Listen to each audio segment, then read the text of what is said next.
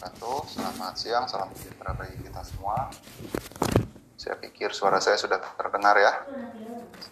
Dengar Pak. Oke, baik terima kasih uh, atas kehadirannya hari ini. Uh, jangan lupa juga untuk absensi biasa di siap masing-masing. Oke, kita mulai perkuliahan hari ini dengan saya izin share screen dulu.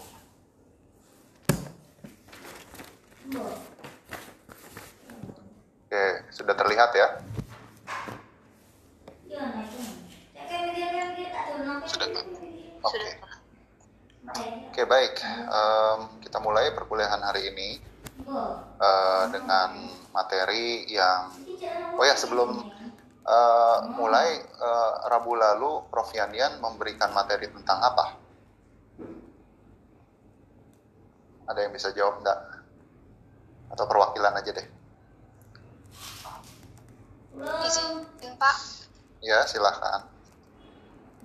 Em, kema- minggu kemarin Prof. Yanian memberikan materi tentang kayak konsep-konsep keamanan, terus abis itu em, perbedaan antara em, keamanan nasional, terus keamanan internasional, terus keamanan manusia, Mm, terus habis itu em, global political structure sama global leadership kayak gitu-gitu Pak.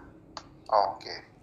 Oke deh cukup. Kalau gitu mungkin uh, nggak beda jauh dengan materi hari ini, hanya saja mungkin perbedaannya itu ada beberapa hal yang mungkin sifatnya basic dan juga saya masukkan beberapa yang mungkin uh, untuk memberikan kalian pemahaman yang sangat uh, apa namanya uh, sangat mendasar mengenai keamanan. Nah, tentu saja eh, apa namanya eh, saya hanya mungkin beber- memberikan beberapa isu empiris, isu atau fenomena yang mungkin relates dengan kehidupan sehari-hari lah. Eh, Bukan kehidupan sehari-hari, tapi eh, politik eh, sehari-hari gitu ya.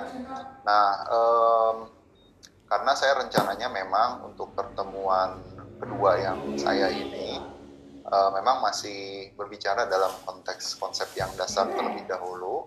Nanti untuk yang eh, pertemuan saya yang ke 5, 6, dan 7 sebelum UTS baru saya akan berbicara eh, apa namanya materi yang sifatnya eh, empirical, empirical practical gitu ya. Jadi yang eh, isunya itu ada di eh, pertemuan 5 sampai dengan eh, 7. Tapi mungkin eh, yang saya berikan dari pertemuan 1 sampai dengan eh, 4 itu sifatnya masih bersifat teoritis begitu ya. Nah, eh, kita mulai. Jadi eh, judul perkuliahan hari ini itu eh, mengenai konsep dasar keamanan regional dan internasional, tapi bukan global atau keamanan dunia. Ini adalah dua hal yang harus dibedakan di apa namanya eh, catatan kalian bahwa yang kita eh, pelajari dalam keamanan internasional ya pasti yang tentang traditional security sector atau military and political security sector. Em, kenapa bukan global atau dunia? Nanti rencananya saya hanya akan mulai memberikan ini itu di pertemuan empat atau bisa jadi tiga ataupun empat begitu ya. Jadi ini teorinya bisa apa namanya sangat luas sekali, tetapi yang sudah sempat saya berikan ke kalian itu bahwa eh, konsep dasar keamanan eh, internasional itu sebetulnya kalau secara kita merujuk pada bukunya Len Hansen dan Barry Buzan ya memang ada nasional, regional, and internasional, tetapi yang saya berikan itu hanya regional dan internasional. Sementara konsep dasar keamanan nasional dan isu-isunya ya tentu saja di perkuliahan keamanan nasional. Nah, karena khawatir eh, apa namanya tumpang tindih dengan keamanan regional dan internasional, gitu ya. Baik, eh, ruang lingkup keamanan internasional, eh, saya cepat aja.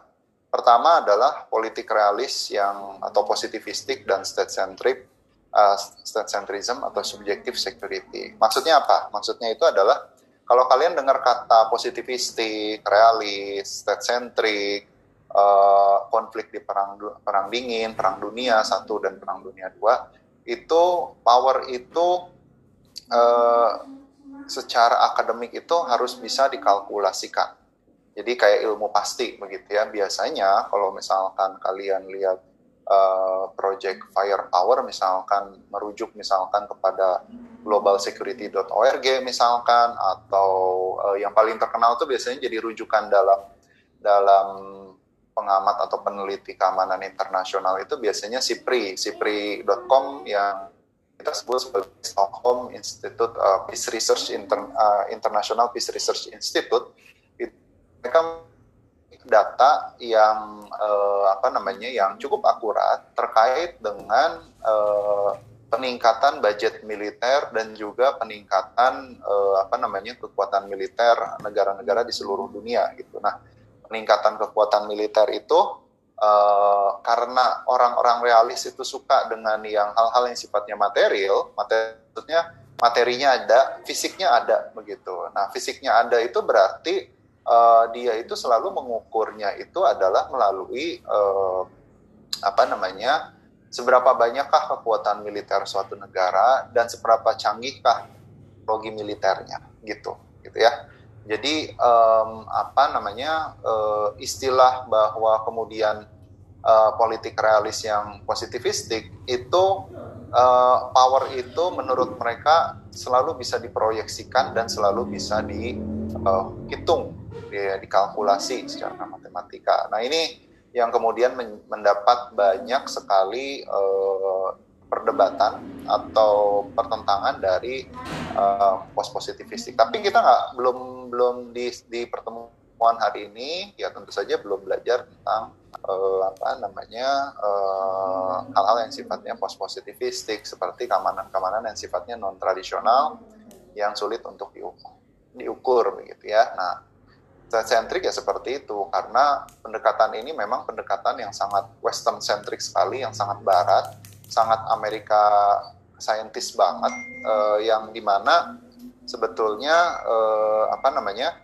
uh, kalau kalian uh, mengamati uh, kebijakan luar negeri dan pertahanan Serikat mereka sekali yang namanya uh, kepastian hal-hal yang bisa diukur hal-hal yang bisa dipas ya apa namanya diberikan kepastian begitu. Nah ini samalah kurang lebih dengan Indonesia tapi sebetulnya jauh lebih kompleks begitu ya. Pokoknya kalau misalkan kalian mendengar kata ini ya berarti uh, segala sesuatunya tuh harus bisa diukur melalui pendekatan-pendekatan saintifik, pendekatan-pendekatan statistik begitu.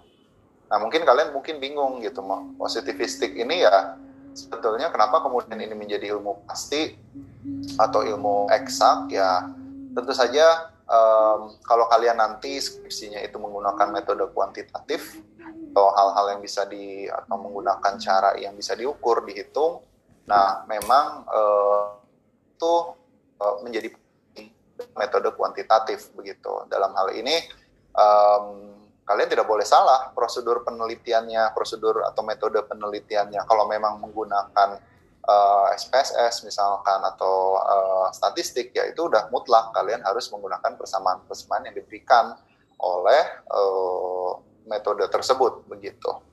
Nah, apakah kemudian uh, mendapatkan hasil yang pasti juga? Ya, kalau dalam kacamata metode saintifik atau metode kuantitatif, iya betul gitu. Tetapi dalam konteksnya kualitatif, ya tentu saja um, apa namanya uh, belum tentu begitu. Tetapi dalam hal ini itulah kenapa kalian mungkin pernah mendengar mixed method itu. Jadi untuk menjembatani gap antara kuantitatif dengan kualitatif. Tapi intinya seperti itu, gitu ya. Karena sederhananya mungkin kalian uh, bisa berpikir bahwa uh, ya anak-anak IPA tentu, tentu saja gitu ya. Um, dua kali dua ya pasti empat atau dua tambah dua ya harus empat dari mulai Afrika sampai dengan Amerika uh, semua pasti sepakat dua tambah dua pasti empat begitu ya. Tapi mungkin uh, ilmu orang-orang ilmu sosial, uh, apalagi uh, seni atau uh, arts and art, uh, apa namanya uh, um, seni rupa misalkan, itu ya tentu saja pasti akan mempertanyakan asal usul kenapa kemudian dua tambah dua itu sama dengan empat. Nah itu yang kemudian kadang-kadang orang-orang ilmu uh, eksak itu tidak tidak uh, apa namanya tidak uh, banyak perdebatannya di situ. Jadi uh, ilmu sosial, ilmu politik perspektifnya banyak, ya perspektif itu punya pendekatan masing-masing. Sementara ilmu eksak ya pendekatannya itu, itu saja, gitu. tapi menekankan pentingnya akurasi. Gitu. Sementara ilmu sosial dan ilmu politik menekankan pentingnya bukan akurasi tapi interpretasi. Gitu ya. Kemudian yang kedua adalah uh, zero sum game dan balance of power. Jadi zero sum game ini artinya adalah keuntungan satu negara adalah sama atau setara dengan kerugian negara lain dalam konteks power sehingga negara cenderung menyeimbangkan power tersebut untuk menghindari kondisi zero sum game. Dalam hal ini kalian mungkin pernah belajar tentang security dilemma eh, keamanan suatu negara itu berarti ancaman negara lain begitu. Eh, negara sangat terobsesi dengan yang namanya keamanan dan survivalnya dalam hal itu diwujudkan dalam bentuk eh, peningkatan kapabilitas militer selalu dipersepsikan um, apa namanya uh, ancaman dari negara lain begitu. Jadi istilahnya mungkin kalau kalian punya rumah, uh, katakanlah rumah itu adalah uh, kedaulatan uh, kalian, kedaulatan uh, negara kalian, tentu saja kan untuk melindungi rumah bisa macam-macam uh, apa namanya uh, caranya gitu ya. Mungkin misalkan dengan membangun pagar misalkan uh, cara yang paling sederhana lalu kemudian mengapa namanya meng, uh, memelihara anjing penjaga misalkan atau ada CCTV begitu. Nah, kecenderungannya karena uh, politik realis itu dan keamanan internasional selalu sifatnya konfliktual dan kompetisi, maka kalian merasa insecure terhadap tetangga-tetangga kalian yang mungkin memiliki hal yang sama begitu. Nah, jadi keamanan internasional tradisional itu selalu uh, diwarnai dengan yang namanya kompetisi dan uh, konflik begitu ya. Jadi uh, apa namanya selalu seperti itu uh, perspektifnya gitu ya. Nah, perlombaan kecanggihan teknologi senjata militer, semik, dan nuklir deterrence ini adalah isu-isunya. Ini isu fenomena empirik nasional yang huruf kecil ya, berarti ini kita bicara tentang fenomena Lalu um, hanya seputar konflik antar negara atau interstate wars. Jadi keamanan internasional uh, yang tradisional itu ruang lingkupnya itu adalah interstate wars. Jadi pahami interstate wars itu adalah uh, perang antar negara yang berdaulat. Ya. Dalam hal ini selalu diajawantahkan dalam bentuk teknologi senjata militer, arms race, arms dynamic, uh, sorry, uh, nuclear deterrence atau apa pun. Intinya sih sebetulnya hanya militer saja, begitu ya. Nah Nanti saya akan berikan penjelasannya lebih lanjut. Tetapi dalam konteks keamanan internasional yang tradisional, eh, perspektif mereka itu hanya satu, yaitu interstate wars gitu ya. Perang uh, terbuka yang terjadi uh, antar negara berdaulat begitu. Mungkin kalian bingung sekarang kan perang nggak seperti itu. Ya, itu nanti kita bahas di keamanan non tradisional ya gitu. Jadi uh, ketika negara itu ber apa namanya uh, berkonflik ataupun kompetisi, maka uh, selalu yang kita lihat itu adalah interstate wars-nya gitu. Nah, interstate wars untuk mencegah itu ada yang disebut dengan militer dengan tujuan untuk uh, apa namanya? Kalau istilah teoritisnya disebut sebagai uh, deterrence. Deterrence itu kayak apa namanya? Uh, penggentar gitu. Jadi kalau misalkan kalian tetangga ya tadi ya uh, uh, apa namanya logika analogi sederhananya seperti kalian punya rumah kalian ingin melindungi rumah itu dengan berbagai macam katakanlah uh, rumah Andrea. kalian itu uh, tinggalnya di lingkungan yang tidak ada kepastian ataupun anarkis Bronx lah misalkan gitu ya. Um, ya mungkin kalian uh, berusaha untuk meng, apa namanya meng, uh, mengamankan uh, rumah kalian gitu. Nah, deterrence itu salah satunya itu adalah misalkan dengan memelihara anjing peliharaan gitu ya, yaitu mungkin yang paling proporsional. Tapi kalau misalkan mau uh, mil, punya yang namanya uh, apa namanya shotgun gitu mungkin terlalu lebay mungkin ya gitu. Nah, tetapi kalau dalam konteksnya seperti di komplek-komplek di perumahan di Indonesia ya dengan memelihara misalkan uh, apa namanya anjing penjaga ataupun CCTV itu sebetulnya adalah sebuah deterrence gitu uh, supaya uh, orang yang ingin intervensi seperti maling ataupun siapa pun yang masuk ke rumah anda itu akan berpikir berkali-kali seperti itu ya untuk uh, melakukan pelanggaran atau uh, apa namanya melakukan uh, breach of security di dalam rumah kalian seperti itu gitu ya.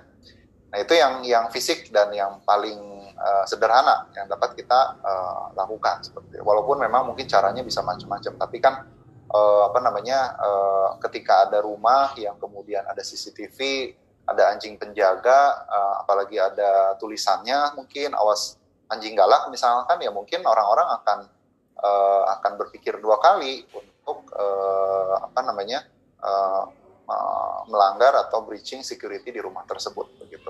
Kurang lebih yang namanya negara juga sama gitu ya. Nah, kita yang keempat itu adalah fokus di hard power atau high security dan studi strategis. Jadi kalau kalian belajar tentang uh, keamanan internasional, saya sukanya yang tradisional Pak. Kenapa? Misalkan karena ya memang saya dari dulu sukanya itu adalah melihat uh, kapabilitas militer, atau mungkin yang paling sederhana itu adalah saya anak militer pak anak tentara gitu ya. Eh, jadi nggak pernah jauh-jauh dari eh, apa namanya eh, kedinasan eh, militer ya mungkin gitu. Yang pertama adalah negara berdaulat memonopoli tugas dan fungsi keamanan nasional dalam bentuk kekuatan militer untuk kebutuhan eh, pertahanan. Artinya eh, yang namanya tugas dan fungsi keamanan nasional dan menjaga kedaulatan negara itu hanya dimonopoli oleh negara berdaulat gitu.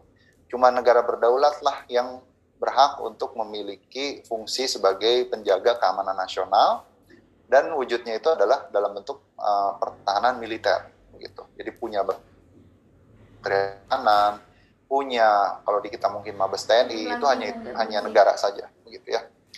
Kemudian yang kedua, objek kebijakan keamanan uh, dalam konteksnya hard power atau high security itu adalah kedaulatan negara begitu.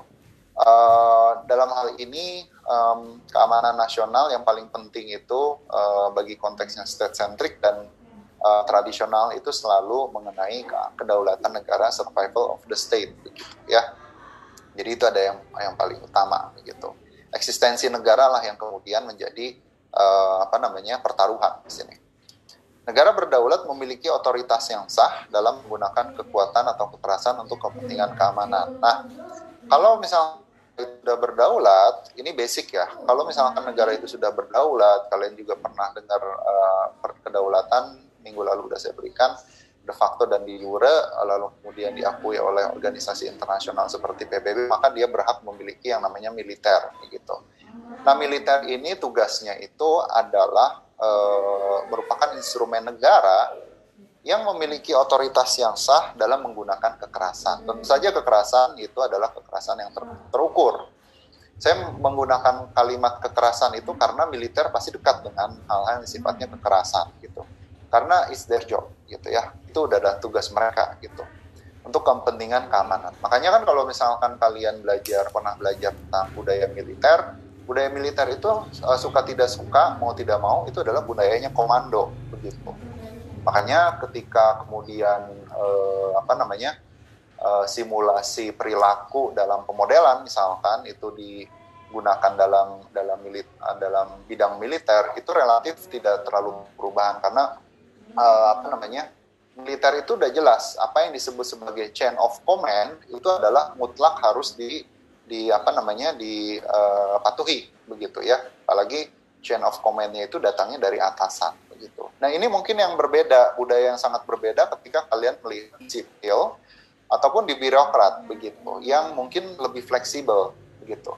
Jadi kadang-kadang ya eh, resiko ketika kalian berdinas di militer itu adalah seperti itu. Jadi mutlak kalau misalkan eh, apa namanya anggota militer lalu kemudian dia patuh kepada kepada atasan begitu.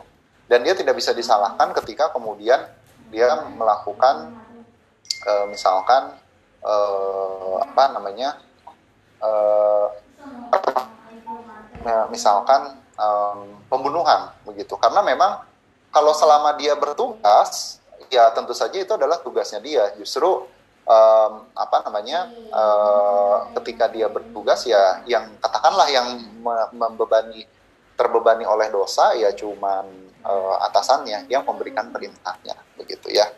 Makanya kalau misalkan dalam dalam apa namanya uh,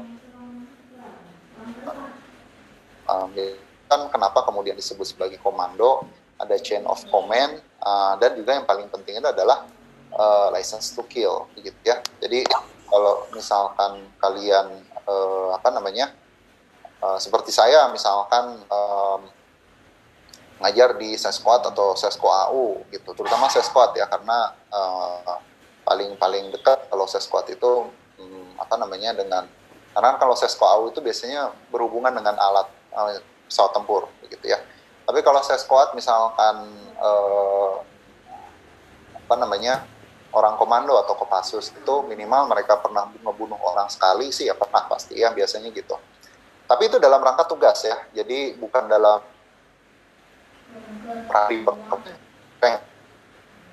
misalkan itu mah kriminal murni itu mungkin polisi dengan TNI ya eh, kebetulan aja di situ, tapi bukan dalam rangka kedinasan begitu. Ya mungkin kalian pernah dengar kasusnya uh, uh, anggota militer uh, Kopassus yang kemudian menembak uh, apa namanya hmm, uh, pelaku penusukan anggota Kopassus yang ada di Yogyakarta kasus Cabongan mungkin pernah kalian dengar. Nah itu uh, apa namanya itu masuknya adalah ke ranah uh, krimin kriminal. Apa? Karena dia melakukan itu tanpa ada perintah dari atasan begitu ya Nah, kalau kalau konteksnya adalah untuk uh, ada chain of command, lalu kemudian ada perintah dari atasan dalam konteks perang, ya tentu saja dia memiliki, memiliki otoritas untuk menggunakan kekerasan terhadap negara lain atau terhadap kekuatan negara lain. Justru itu yang kemudian di apa namanya di uh, uh, diharuskan gitu. Jadi intinya mah kalau militer ya kalian misalkan nih lulus dari S1 lalu kemudian coba uh, iseng gitu ke apa namanya uh, masuk ke um, uh, sepak gitu ya. Sepak tuh ya apa jalur masuk militer tapi dari uh, dari akademik gitu. Jadi biasanya kan kalau lulus SMA biasanya dari SMA itu masuk tapi kalau biasanya kalau untuk dari apa namanya uh, S1 ada juga jalurnya khusus begitu. Jadi dia biasanya langsung diarahkan. Misalkan kalau orang HI itu justru lebih banyak sering keluar negeri karena dia diarahkan itu jadi atas pertahanan gitu.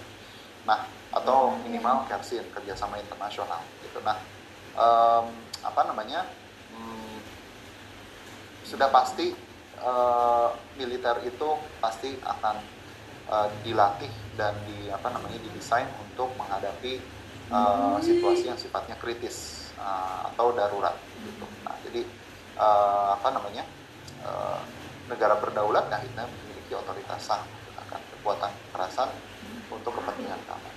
Oke, okay? jadi di konsep keamanan tradisional ini nanti kalian pelajari sendiri uh, secara lebih mendalam gitu. Studi keamanan internasional itu selalu uh, ruang lingkupnya cuma seperti ini saja begitu ya.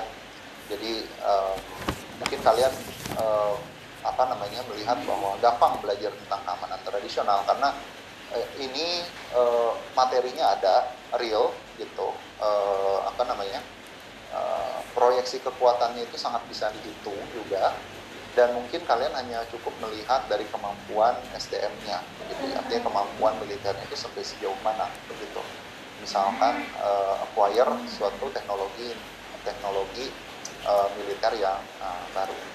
Nah um, dan tugas dari uh, aktor uh, pertahanan itu sebetulnya adalah disiapkan untuk ini untuk uh, apa namanya untuk interstate war jadi untuk uh, perang antar negara saja gitu. nah, perang ketika kita bicara perang antar negara maka yang menjadi objek keamanannya selalu kedaulatan negara gitu. mungkin kalian memikir sesempit itu bukan sempit tapi uh, kita membuat keamanan tradisional itu uh, ya memang ruang lingkupnya hanya di sini saja. Makanya kan Stephen Wall itu pernah bilang kalau misalkan ini diperluas, maka ini menjadi tidak koheren dan tidak konsisten dengan uh, state of the art atau uh, pengetahuan yang knowledge yang sudah selama ini sudah ada bahwa yang namanya studi keamanan itu selalu berbicara tentang uh, apa namanya militer dan penggunaan kekuatan bersenjata seperti itu gitu ya. Nah, memang ada yang mencoba untuk memperluas ini. Nah, ini yang diperluas ini itu mungkin kita akan pelajari minggu-minggu berikutnya, begitu. Dan memang realisme itu adalah konsep yang sangat dominan. Oke. Okay. Um, tetapi di sini juga kalian tinggal pelajari saja bahwa uh, kunci dari atau uh, kajian tentang realis itu juga sebetulnya banyak jenisnya, begitu ya. Jadi nggak cuma cuma misalkan kita belajar tentang uh, Kenneth Waltz, Morgenthau, um, apa namanya, mungkin uh, uh, Thomas Thomas Hobbes misalkan atau misalkan tokoh-tokoh uh, realis uh, uh, lainnya gitu, Kenneth Waltz itu yang paling terkenal misalkan. Tetapi juga ada perdebatan di dalam mereka sendiri begitu. Nah, perdebatannya seperti apa begitu? Ada yang dikenal sebagai defensive realist dan offensive realist. Defensive realist itu setiap negara fokus pada pertahanan dirinya dan oleh karena itu yang ia lakukan adalah menghalangi dan mempertahankan diri dari kemungkinan serangan yang datang dari luar. Bisa saja ini didesain gitu ya dalam konteks Jepang.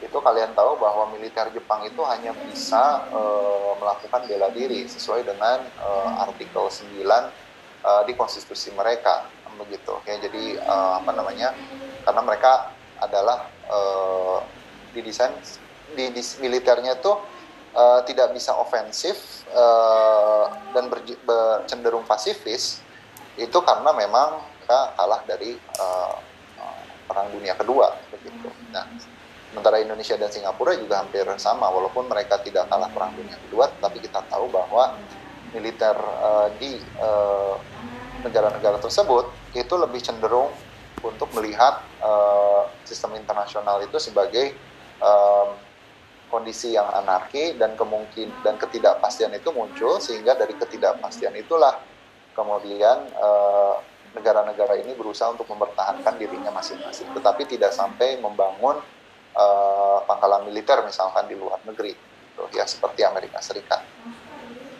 Nah, offensive realis uh, dengan tokohnya John Bersheimer, ini asumsi dasarnya itu adalah negara selalu ingin menjadi yang paling kuat di antara negara yang lain dan oleh karena itu mereka selalu berusaha untuk memperluas uh, powernya dengan menyerang atau invasi ataupun instalasi militer uh, di luar wilayah kedaulatan. Intinya sih sebetulnya kedua realis ini uh, apa namanya asumsinya sama berawal dari sistem internasional yang anarki, tetapi treatmentnya terhadap uh, sistem internasional yang anarki itu berbeda-beda begitu.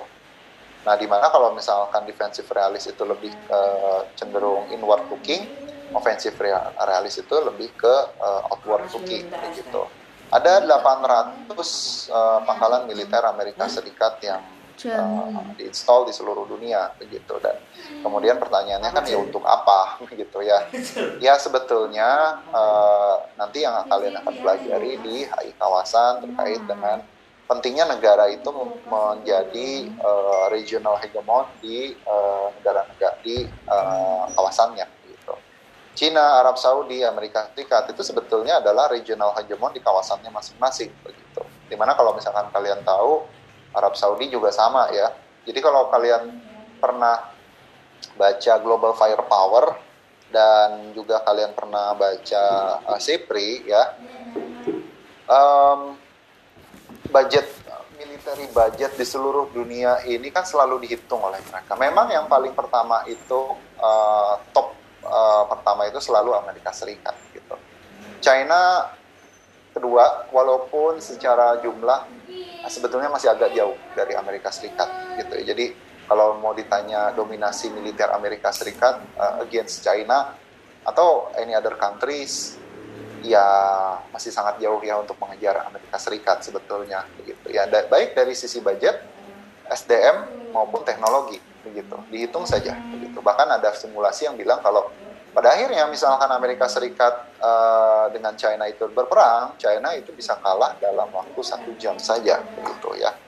Entah benar atau enggak, tetapi yang saya tahu, uh, misalkan Amerika Serikat itu ada satu kekuatan yang tidak dimiliki oleh China. Mungkin pernah saya dengar, saya kasih juga videonya, itu terkait dengan beberapa uh, apa namanya kekuatan teknologi militer yang sudah um, sifatnya itu nuklir, begitu Uh, jadi kalau misalkan uh, apa namanya kapal induk bertenaga nuklir ataupun kapal selam bertenaga nuklir itu udah pasti endurance-nya jauh lebih lama, lebih lebih kuat daripada uh, apa namanya teknologi yang masih menggunakan diesel misalkan gitu ya. Jadi um, aspek penggunaan energi atau penggunaan bahan bakar ini juga menjadi penting begitu ya. Saya belum pernah dengar uh, teknologi militer itu ramah lingkungan gitu ya. Jadi um, ini juga menjadi problem manakala kita belajar misalkan nanti tentang keamanan non tradisional gitu ya karena polutan salah satu polutan terbesar yang dikeluarkan oleh negara itu salah satunya dari institusi militer gitu ya Nah, balik lagi kalau misalkan kita merujuk kepada uh, apa namanya data yang ada di SIPRI atau Stockholm Peace Research Institute, kalian mungkin berpikir bahwa betul Amerika Serikat nomor satu, iya betul. Uh, China itu nomor dua, itu juga betul. Mungkin kalian akan berpikir Rusia itu nomor tiga ya di di kekuatan militer baik budget maupun teknologi. Ternyata enggak, sekarang udah digeser dengan Arab Saudi ya jadi ini menarik gitu ya kalau menurut saya Rusia itu kegeser oleh Arab Saudi. Pertanyaannya ada apa gitu. Um, di sini sebetulnya kalian melihat bahwa um, Arab Saudi itu ya kalau saya dulu isengnya sih seperti ini gitu ya. Ini punten ya, mohon maaf. Um, kan Arab Saudi itu sebetulnya adalah negara yang yang sangat kaya, monarki yang yang mungkin terkaya di dunia dan juga uh, paling penting itu adalah dia uh, sekarang menjadi regional hegemon di uh, Timur Tengah begitu. Jadi kalau misalkan uh, Timur Tengah tanpa Arab Saudi ya kurang lebih pasti anarki. Kenapa? Karena um, apa namanya? Yang namanya Arab Saudi itu uh, sangat dominan lah gitu di di mana namanya di Timur Tengah. Dan mereka sangat tergantung sekali kekuatan militernya dengan Amerika Serikat. Makanya ada pangkalan militer Amerika Serikat juga di situ. Nah, yang memang menarik itu adalah uh, saya pernah dengar cerita bahwa kan kemarin kalian mungkin pernah uh, kalian tahu lah gitu. Saya yakin saya asumsikan kalian di sini uh, orang HI pasti uh, apa namanya baca koran lah minimal gitu ya pasti baca koran gitu ya saya nggak tahu lah ya uh, baca koran ya tentu saja koran lokal dan koran nasional minimal kompas lah gitu kalian mungkin tahu bahwa negara-negara uh, di Teluk negara-negara Timur Tengah itu sudah mulai menormalisasi hubungannya dengan Israel begitu. Nah, konon katanya yang saya pernah dengar itu uh, Arab Saudi juga ingin melakukan yang sama karena kan kita tahu bahwa Uni Emirat Arab juga sama sudah melakukan menormalisasi hubungan uh, dengan Israel begitu. Nah, tetapi sebetulnya keinginan Arab Saudi untuk menormalisasi hubungan dengan Israel itu sebetulnya datang dari rajanya sendiri begitu. Walaupun ini masih perlu di diteliti lagi ya keabsahan dari informasi ini. Tetapi yang sebetulnya mencegah itu adalah uh, Menlu Amerika Serikat yang kemarin zamannya zamannya Donald Trump begitu. Karena apa? Arab Saudi itu dianggap sebagai negara Timur Tengah yang menjadi uh, panutan atau menjadi uh, ya panutan dari negara-negara Muslim di seluruh uh, dunia begitu. Bayangkan kalau misalkan Arab Saudi aja udah apa namanya udah mau normalisasi dan kemudian uh, mereka harus berkonflik dengan negara-negara yang uh, selama ini percaya dengan Arab Saudi begitu kira-kira seperti itu makanya sebetulnya yang merekomendasikan Arab Saudi untuk tidak tidak menormalisasi hubungan dengan Israel itu adalah Mike Pence gitu. Jadi uh, apa namanya uh, kekhawatirannya yang muncul itu adalah uh, justru in, uprising itu bakal muncul dari masyarakat Arab Saudi-nya sendiri.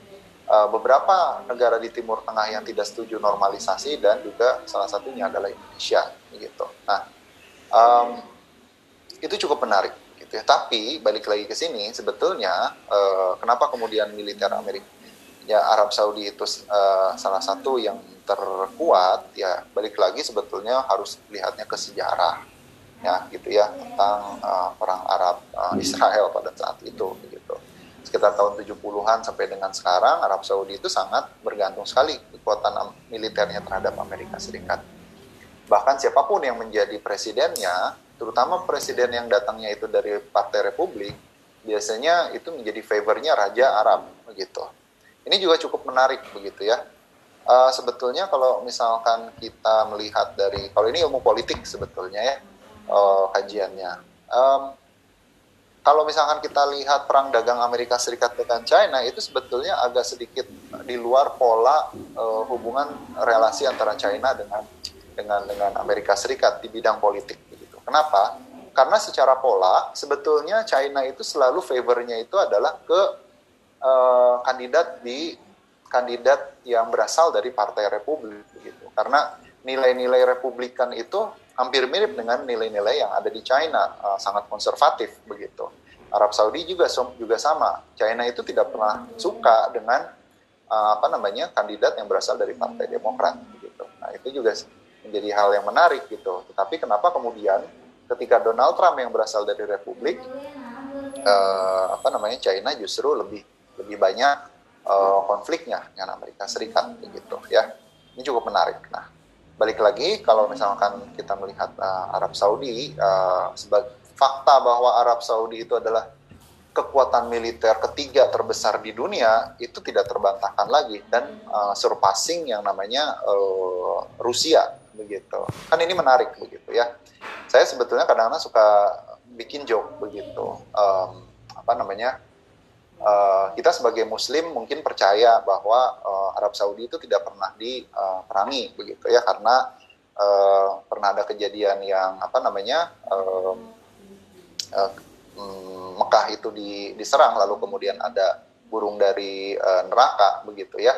Tetapi kalau misalkan seperti itu, fakta yang sekarang itu menyebutkan bahwa ternyata Arab Saudi juga membutuhkan teknologi militer dari negara lain, kira-kira seperti itu. Nah, kan kalau dulu kita belajarnya um, untuk apa Arab Saudi itu di apa namanya di, di, dijaga oleh kekuatan manusia gitu, karena uh, apa namanya uh, sudah ada perlindungan dari uh, apa namanya dari dimensi di luar sana kira-kira seperti itu. Nah ini walau alam uh, tapi yang jelas uh, fenomena Arab Saudi itu menjadi kekuatan militer ketiga mele, meng, apa namanya melebihi atau meng, meng, uh, melewati atau menyalip Rusia itu cukup menarik begitu ya.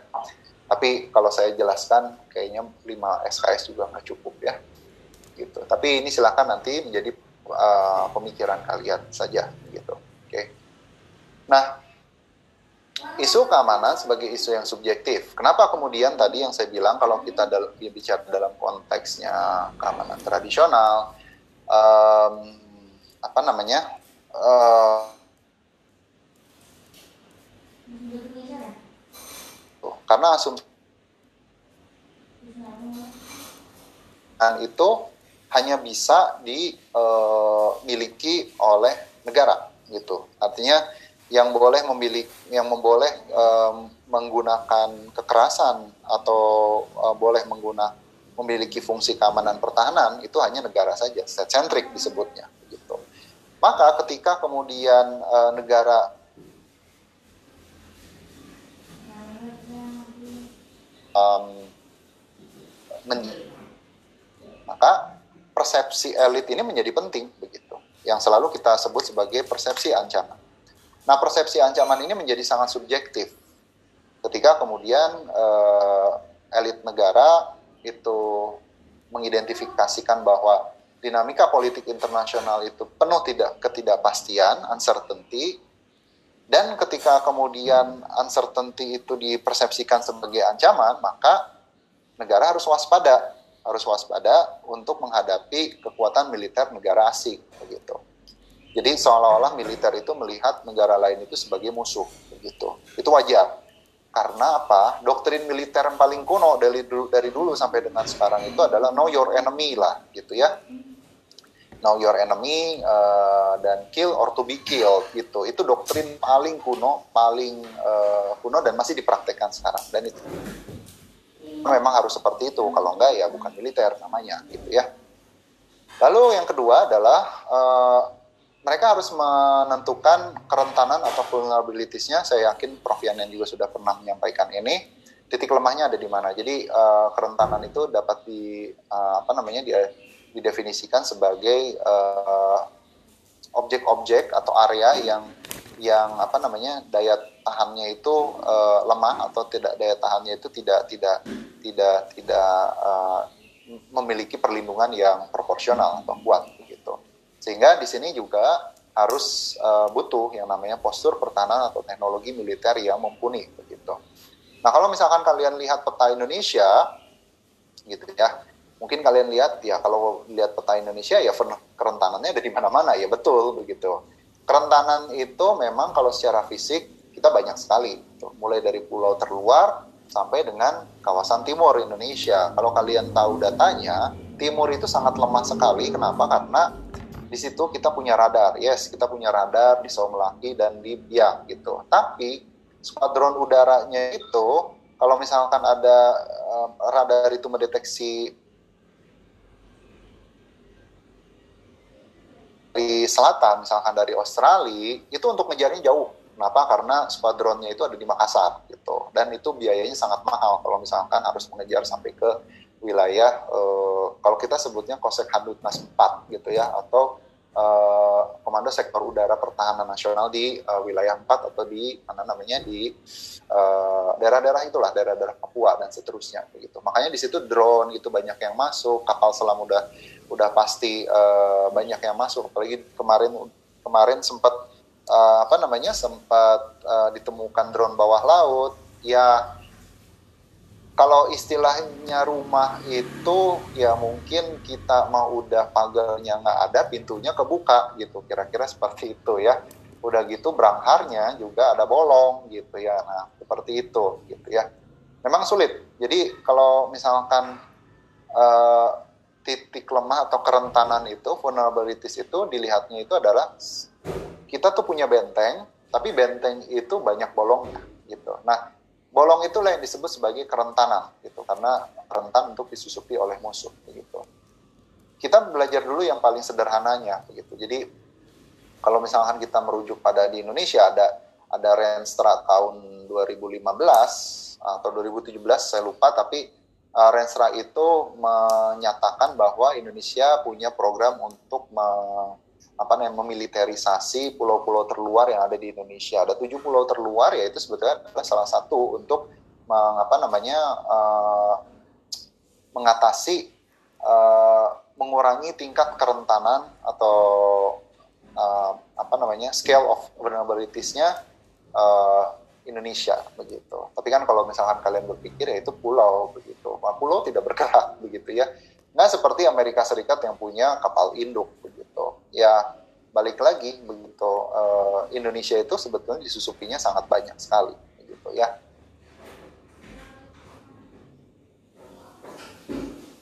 lebih banyak lagi titik lemahnya, kerentanannya gitu ya. Tapi mungkin kalau misalkan dalam konteks non tradisional itu bakal lebih banyak lagi titik lemahnya gitu ya. Tapi kalau dalam konteksnya tradisional tinggal lihat aja fisiknya ada di mana. Kan kalau kita Indonesia itu sedang membangun uh, apa namanya uh, pusat komand atau pusat uh, militer yang yang terpadu terintegrasi itu ada di Pulau Natuna karena itu merespon ketegangan yang ada di Laut Tiongkok Selatan begitu. Jadi uh, apa namanya kalau kalian ke sana ya baik angkatan darat, laut, udara itu sebetulnya udah terinstall semua di sana gitu. Untuk ya tadi mengapa namanya menghadapi uh, konflik yang ada di Laut Tiongkok Selatan begitu. Sebetulnya kalau di Renstra-nya itu ada tujuh pulau terluar, tapi memang yang baru ready itu ya setengah ready lah ya, sebetulnya itu baru di Natuna aja gitu. Tapi kalau misalkan ke selatan, Pulau Rote, Miangas kayak gitu-gitu sebetulnya masih belum gitu. Nah, memang yang paling rentan itu adalah di daerah-daerah misalkan di Biak dan Saumlaki. Tapi beruntungnya Biak itu punya uh, apa namanya punya uh, pangkalan udara yang uh, bagus dan uh, internasional punya karena dia peninggalan Jepang apa Belanda saya lupa. Jadi kalau misalkan kalian tahun 90 94 pernah ke Amerika Serikat begitu ya. Garuda Indonesia itu punya flight dari Indonesia dari Jakarta ke LA gitu. Nah, itu transitnya itu selalu di uh, biak terlebih dahulu. Bayangkan Boeing 747 itu bisa masuk ke pulau kecil gitu. Berarti infrastrukturnya sangat bagus begitu. Tinggal dimanfaatkan aja.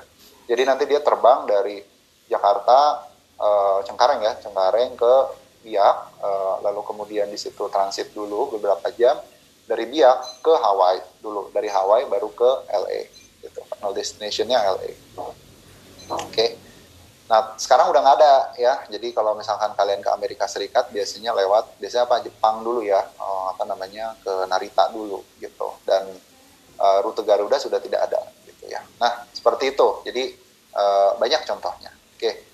So, contoh konkret mengenai keamanan tradisional sebagai isu yang bersifat state-centric, yang pertama itu adalah urusan pertahanan dan urusan luar negeri foreign affairs, itu adalah monopoli pemerintah pusat di Indonesia. Ini contoh paling uh, konkret yang ada di Indonesia. Nah, um, kenapa kemudian defense and uh, Kementerian Luar Negeri itu uh, irisannya sangat dekat sekali gitu karena zaman dulu ketika kemudian kebijakan luar negeri itu ada, ya militer itu adalah instrumen kebijakan luar negeri begitu. Kenapa? Karena um, ketika negara ingin memaksa kehendak atau politiknya terhadap negara lain melalui jalan kekerasan, itu yang digunakan itu adalah instrumen militer. Jadi militer itu jadi kayak apa namanya uh, senjata itu harus diarahkan keluar wilayah kedaulatannya, nggak ke dalam gitu. Ya, sama seperti kalian gitu ya, kalau punya rumah, kalau misalkan katakanlah saking lingkungannya itu saking tidak apa namanya tidak uh, yang saking hostile dan saking tidak tidak bersahabat, Bronx banget lah gitu ya kira-kira. Kemudian kalian berhak uh, memiliki senjata apa pun ya tentu saja senjata itu diarahkan keluar gitu ya. Uh, bent keluar benteng, keluar rumah begitu, bukan ke dalam begitu. Nah, yang hal-hal yang sifatnya keluar itu bisa jadi militer, senjata ataupun diplomat, tergantung dari pendekatannya hard power atau soft power gitu. Jadi kayak kesatria dalam dalam apa namanya dalam uh, kerajaan Romawi ya selalu uh, militer itu ditempatkan uh, apa namanya di luar batas uh, negara dan diarahkan keluar begitu ya. Makanya kalau kalian belajar tentang keamanan nasional, ya mungkin kalian akan bertanya gitu, kalau gitu militer yang ada di Indonesia itu tugasnya ngapain aja gitu ya, Kodam sampai dengan Koramil ya. Memang kalau saya sering uh, berdiskusi, Kodam sampai itu adalah filosofinya militer gitu ya. Tapi kan ini ditempatkan di pusat kota gitu ya. Ya pembenahan itu luar biasa lah, capek gitu ya. Kedua, nah sebagai contoh konkret, saya paling mudah itu adalah melihatnya dari perspektif Indonesia. Maka kedua urusan tersebut tidak didesentralisasikan, maaf, tidak didesentralisasikan ke daerah melalui Undang-Undang Nomor 23 Tahun 2014 tentang pemerintahan daerah, yaitu revisi Undang-Undang 32 Tahun 2004. Nah, ini nih ya kalau kalian orang HI, orang ilmu politik, harus rajin baca baca tentang aturan perundang-undangan gitu ya uh, ini adalah uh, basic kalian begitu. Lihat mana undang-undang atau kebijakan yang perlu dievaluasi dan kritisi karena uh, kompetensi utama dalam uh, mahasiswa ilmu politik ataupun hubungan internasional itu adalah berpikir kritis begitu ya. Ya jangan jangan apa namanya jangan malas ketika baca-baca apa namanya undang-undang ataupun peraturan atau regulasi karena itu yang kemudian harus menjadi uh, apa namanya bahan kajian kalian seperti itu. Makanya saya juga apa namanya uh, cukup ini ya cukup uh, saya nggak tahu apakah kalian uh, suka baca tapi yang jelas ini harus menjadi uh, apa namanya concern kalian gitu ya. Produk-produk kebijakan itu banyak yang harus dievaluasi dan dikritisi begitu jadi jangan sampai kalian itu hanya fokus di isu-isu yang sifatnya receh begitu ya. Atau mahasiswa ini kalian kan mahasiswa harus berpikir kritis gitu ya. Nah kalau kedua urusan tersebut tidak didesentralisasi ke daerah melalui undang otonomi daerah begitu ya maka urusan pertahanan militer adalah bagian dari pelayanan publik, artinya dia non profit oriented sehingga tidak melibatkan aktor non negara seperti perusahaan swasta gitu. Nah ini mungkin nanti kalian akan belajarnya kalau dalam konteks cyber security ada keterlibatannya mungkin ada gitu ya, tapi nanti kita pelajari. Tapi filosofi dasarnya bahwa ketika kemudian kita keamanan itu masih dimensi tradisional, beberapa negara itu masih mengkip uh, militer itu uh, apa namanya adalah urusan atau monopoli pusat, tidak pernah diserahkan kepada daerah. Dan kalau misalkan ini adalah monopoli pusat, maka mau nggak mau ini adalah menjadi uh, bagian dari pelayanan publik, public service, gitu ya. Dan non profit oriented. Apa sih public service, public sector dengan profit um, non uh, atau private sector, ya? Uh, kalau kalian nanti kerja jadi PNS atau TNI atau polisi, maka uh, filosofi pekerjaan kalian atau budaya kerja kalian itu adalah public service. Mungkin kalian pernah dengar PNS mah uh, kerja mau nggak kerja nggak kerja mah gajinya segitu-segitu aja. Ya seperti itulah yang namanya PNS begitu ya. Karena yang namanya uh, PNS itu dia dibayar oleh negara dari pub dari pajak rakyat disubsidi semuanya oleh negara. Terkait dengan kerja nggak kerjanya itu sebet uh, balik lagi ke uh, apa namanya manajemen SDM-nya gitu ya. Terlalu panjang kalau saya bahas. Tapi dia tidak boleh yang namanya profit gitu ya. Karena apa? Sudah disubsidi oleh negara. Semua negara melakukan ini gitu. Maksudnya non profit itu apa? Jadi kalau misalkan uh, eh, PNS atau misalkan kita sebagai aktor negara fixed income gitu ya. Artinya kalau misalkan kalian itu adalah fixed income, maka kalian punya fixed income sampai dengan pensiun umur 56 atau 60, katakanlah diplomat begitu ya. Maka ketika ada kekayaan yang tidak wajar, misalkan kalian kebetulan uh, anak orang kaya nih gitu ya, uh, orang tua kalian meninggal, dapat warisan dong gitu, udah pasti, udah warisan mah nggak dibawa ke kubur gitu ya. Nah kalian sebagai aparat negara apa pun itu mau TNI mau polisi mau uh, eh, ASN aparat sipil negara atau PNS gitu ya mau nggak mau mutlak tidak mutlak uh, eh sorry iya mau tidak mau suka tidak suka. Uh, harta warisan itu bukan diserahkan ke negara. Itu boleh buat kalian nggak ada masalah tapi harus dilaporkan gitu makanya ya ada yang disebut sebagai laporan harta kekayaan pejabat begitu ya. Supaya untuk melihat nih harta kekayaannya wajar atau tidak wajar. Ya kalau misalkan kalian mendapatkan harta kekayaan tiba-tiba oh apa namanya tiba-tiba uh,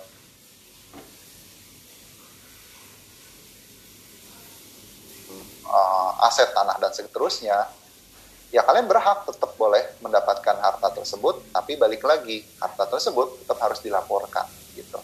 Pertanggungjawaban gitu. Makanya kan kalau misalkan kita sebagai public service tentu saja uh, pekerjaan kita itu banyak administratif ya karena segala sesuatu yang kita keluarkan misalkan untuk riset, untuk kegiatan-kegiatan itu satu harus ada pertanggungjawabannya berdasarkan peraturan Menteri Keuangan gitu. Misalkan saya dalam per, ada perjalanan dinas misalkan ke eh, Jawa, misalkan ke Papua, Jakarta, Bali dan seterusnya. Itu rigid gitu. Rigidnya gimana? Menurut menurut peraturan Menteri Keuangan, uang sakunya dibeda-bedakan gitu antara eh, apa namanya? Eh, wilayah. Kalau kalian jadi diplomat sama. Ada area-area tertentu yang uh, tentu saja itu disesuaikan dengan biaya hidup yang ada di sana. Dan itu harus merujuk pada peraturan Menteri Keuangan. PMK disebutnya ya. PMK nomor berapa? Saya lupa gitu. Tapi tiap daerah itu punya uh, pagu untuk uh, apa namanya uh, uang saku. Dan pagu untuk nginep hotel misalkan uh, pagunya itu harus bintang tiga misalkan boleh nggak bintang 5 tapi saya bayar sendiri? Maka silakan. Dan itu juga harus ada pertanggung pertanggung jawabannya uh, yang sifatnya administratif. Tiket pesawat harus jadi nggak bisa lagi kayak zaman dulu ya. Mungkin kalian pernah dengar uh, budget Garuda belinya Lion misalkan. Nah ini udah nggak boleh gitu karena sekarang itu sifatnya reimburse. Jadi beli dulu tiketnya baru nanti di reimburse gitu ya karena uh, memang ada kajian yang menyatakan bahwa uh, setelah peraturan itu ada uh, penghematan anggaran negara itu luar biasa gitu ya. Nah itu sebetulnya adalah uh, keistimewaan yang tidak di, pernah di, saya rasakan sebetulnya sejak jadi PNS gitu ya. Kalau zaman uh, ayah atau ibu saya zaman dulu ya masih seperti itu. Kadang-kadang nih budget uh, uh, budget Garuda beli Lion itu masih sering dipraktekkan gitu.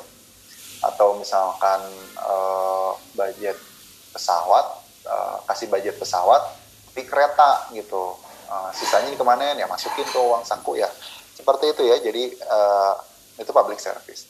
Tapi kalau profit beda lagi. Kalau kalian seperti kerja di uh, apa namanya sektor private sektor swasta. What is sektor swasta ya ini adalah lembaga institusi yang memang tujuannya itu adalah profit, tujuannya itu adalah uh, benefit untung begitu. Dia tidak disubsidi ya oleh negara. Kata kuncinya tidak disubsidi oleh negara. Maka um, terkait dengan itu, uh, ketika dia tidak disubsidi oleh negara, dia usaha sendiri, uh, maka dia boleh profit. Gitu. Kalaupun misalkan kali uh, kalian misalkan uh, menjadi pengusaha, lalu kebetulan usahanya sukses lalu kemudian punya ya seperti misalkan uh, apa namanya sembilan naga lah gitu ya atau uh, apa namanya pengusaha-pengusaha sukses yang sekarang begitu. Kalian punya mobil mewah berapa banyak pun lalu kemudian kalian punya rumah berapapun itu nggak akan ditanya gitu oleh negara oleh BPK ada urusan anak gitu ya nggak ada urusannya dengan BPK karena kalian tidak menggunakan uh, uang negara tidak menggunakan subsidi dari negara gitu. Kalau profit ya sudah seperti itu. Tapi there's a catch gitu ya. Ada risikonya kalau kalian juga menjadi orang yang uh, kerjanya itu adalah di non pro di non uh, non negara atau di uh, institusi yang profit oriented. Kalian harus siap kompetisi. Nah, itu kalian nanti belajar di ekonomi politik global kalian harus kompetisi dengan ya yang dulunya mungkin teman dekat, teman seangkatan, sekosan bareng, sahabat begitu masuk ke bank misalkan dikejar target marketing, sikut-sikutan biasa gitu. Tapi itu bekerja begitu. Kalian harus siap dengan yang namanya kompetisi. Uh, zero sum game tidak kompetisi internet saya agak unstable tapi intinya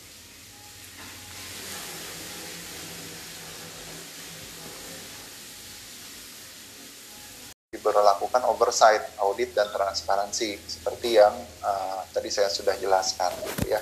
Karena kalian itu bayar pajak, kan kalian kalau misalkan ke Indomaret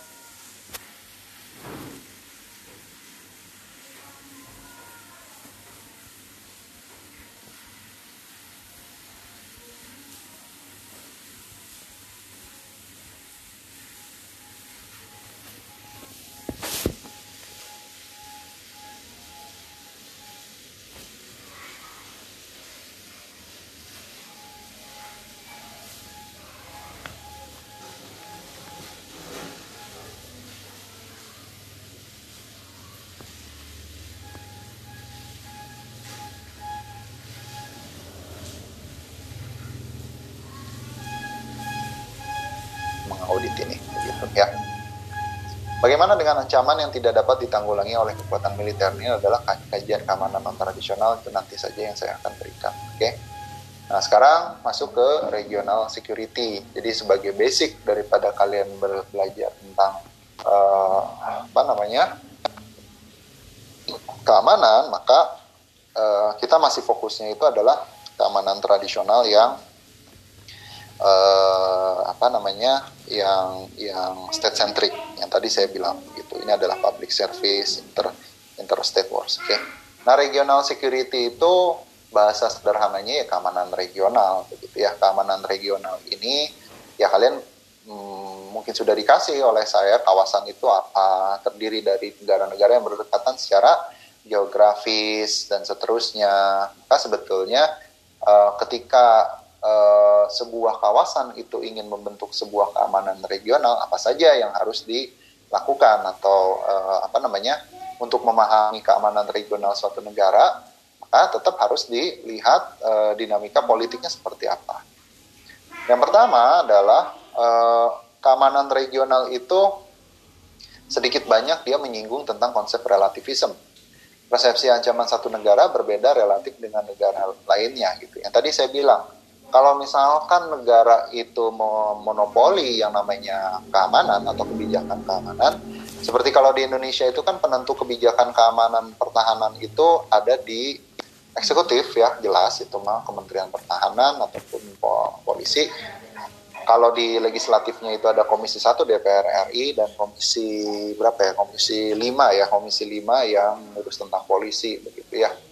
Uh, persepsi mereka pasti beda-beda gitu ya tiap negara itu memiliki persepsi ancaman yang beda satu dengan yang lain belum tentu satu persepsi itu bisa disamaratakan dengan persepsi negara-negara yang ada di kawasan tersebut begitu.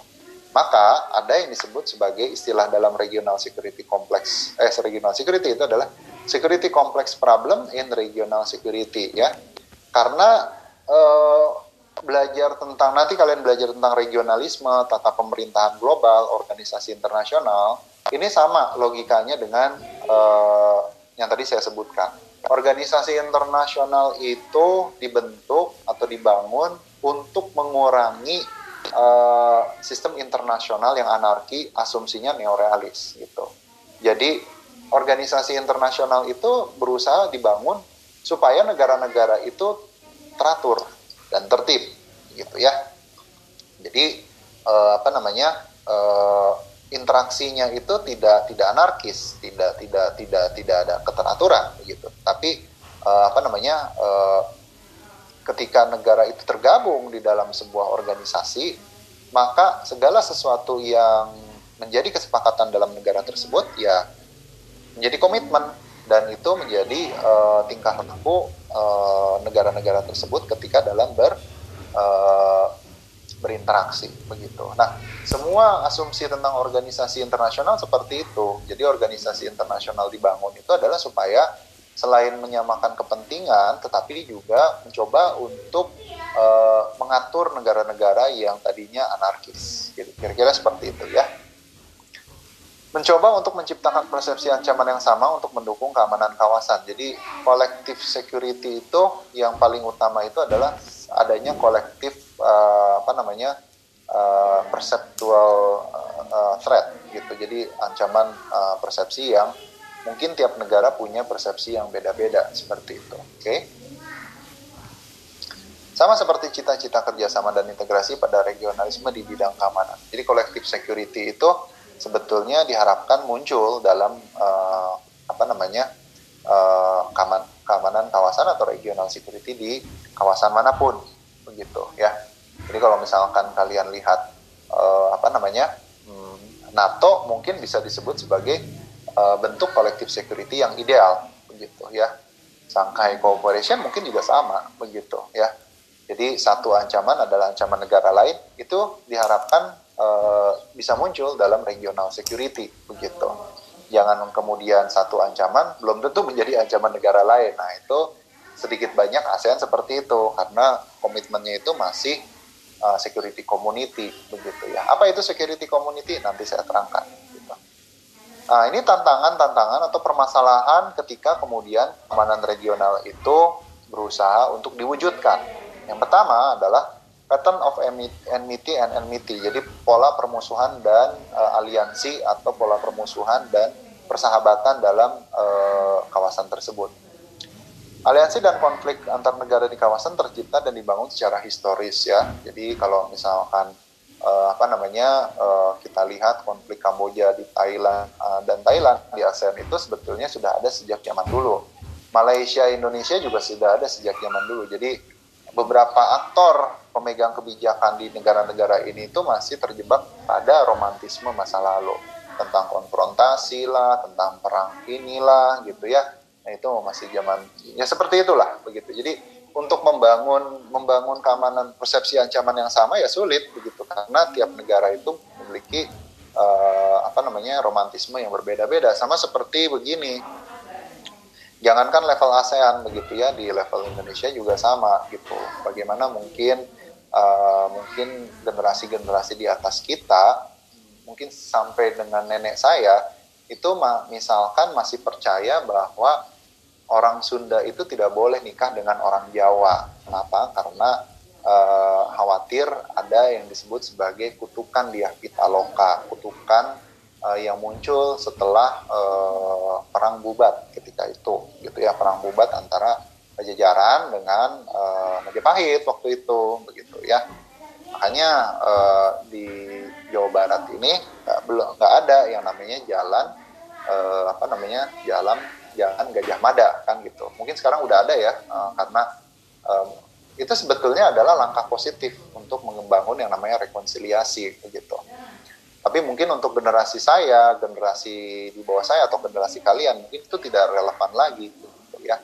Karena kejadiannya mungkin udah lama dan itu juga masih perdebatan kan. Benar ada nggak sih yang namanya perang bubat itu atau ini jangan-jangan adalah politik Davide et Imparanya Belanda untuk memecah belah antara Jawa dengan uh, Sunda kira-kira seperti itu gitu ya. Nah, uh, pattern of amity and amity ini sebetulnya kita bisa melihat bahwa uh, kalau misalkan dalam konteksnya permusuhan, konflik itu udah clear gitu ya. Nah, tetapi pola aliansi ini kadang-kadang terjadinya bukan di intra ASEAN tetapi ekstra ASEAN. Seperti misalkan uh, secara sejarah Malaysia dan Singapura itu lebih dekat dengan negara-negara uh, Commonwealth ketimbang uh, apa namanya negara-negara ASEAN gitu ya. Makanya mereka punya yang namanya five power defense arrangement oke nah gitu loh distribution powers among principal state. Ini menarik gitu. Jadi kalau misalkan beberapa uh, organisasi regional itu pasti ada aktor sentralnya pasti ada tokoh kuncinya gitu ya. Nah Indonesia salah satu tokoh kunci, kuncinya? Yes ya. Jadi uh, Indonesia itu sebagai negara senior uh, negara tradisional yang membangun ASEAN maka kecenderungannya negara-negara anggota ASEAN itu uh, kalau tidak ada intervensi dari negara lain biasanya patuh terhadap apa yang di, di, di apa diminta oleh Indonesia walaupun memang sifatnya um, apa namanya um, sukarelaan karena kita punya prinsip non intervention begitu.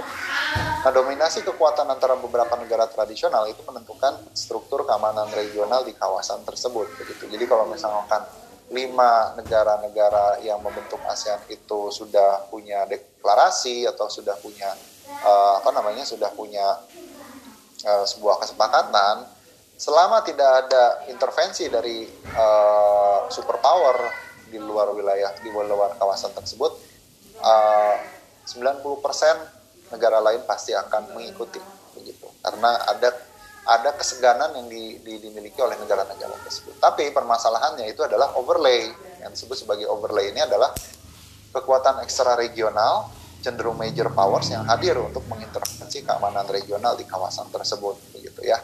Ya tadi seperti Cina atau Amerika Serikat di isu Laut Tiongkok Selatan. Mungkin kalian pernah dengar bahwa uh, apa namanya uh, code of conduct draft code of conductnya di Laut Tiongkok Selatan itu selalu gagal. Kenapa? Karena malah um, Laos dan Kamboja itu ditekan oleh China supaya tidak menyetujui um, apa namanya uh, deklarasi code of conduct atau draft code of conduct. Karena code, uh, code of conduct uh, draft itu sebetulnya sedikit banyak meng, mendelegitimasi uh, kekuasaan China yang ada di laut laut Tiongkok Selatan.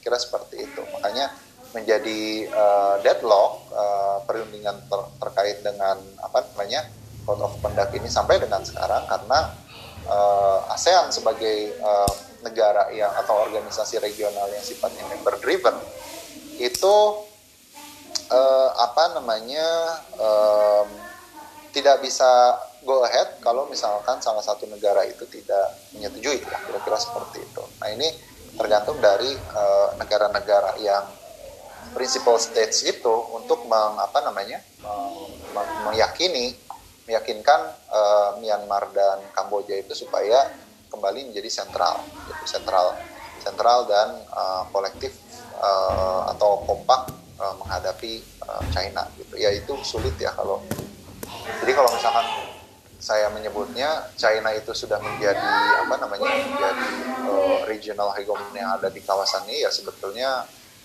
hampir bisa dipastikan uh, apa namanya hal tersebut ada gitu. Tapi untungnya beberapa negara itu tidak semuanya selalu rely dengan China begitu ya.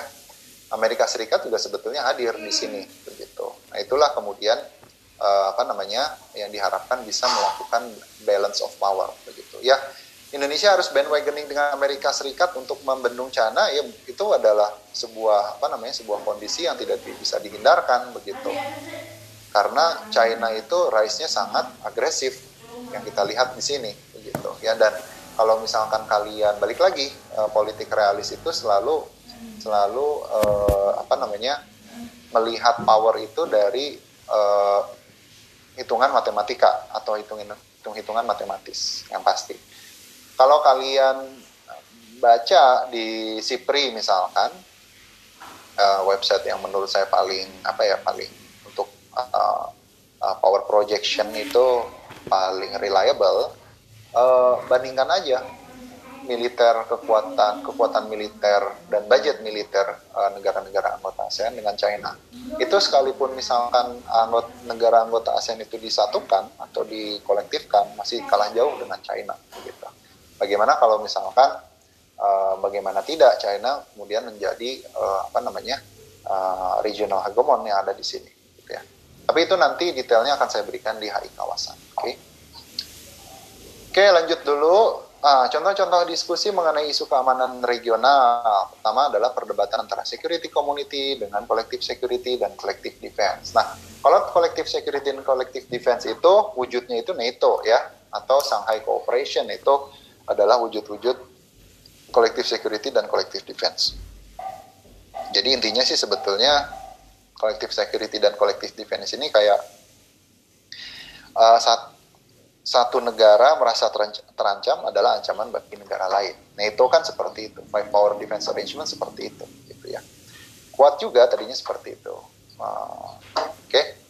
Nah kalau security community enggak gitu, security community itu tidak membentuk yang namanya fakta pertahanan gitu.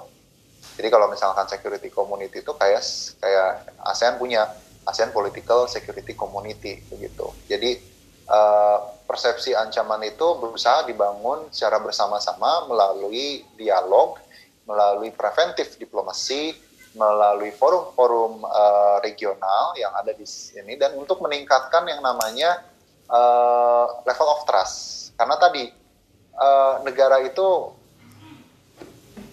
sangat khawatir dengan lingkungan internasional yang uncertain, tidak pasti.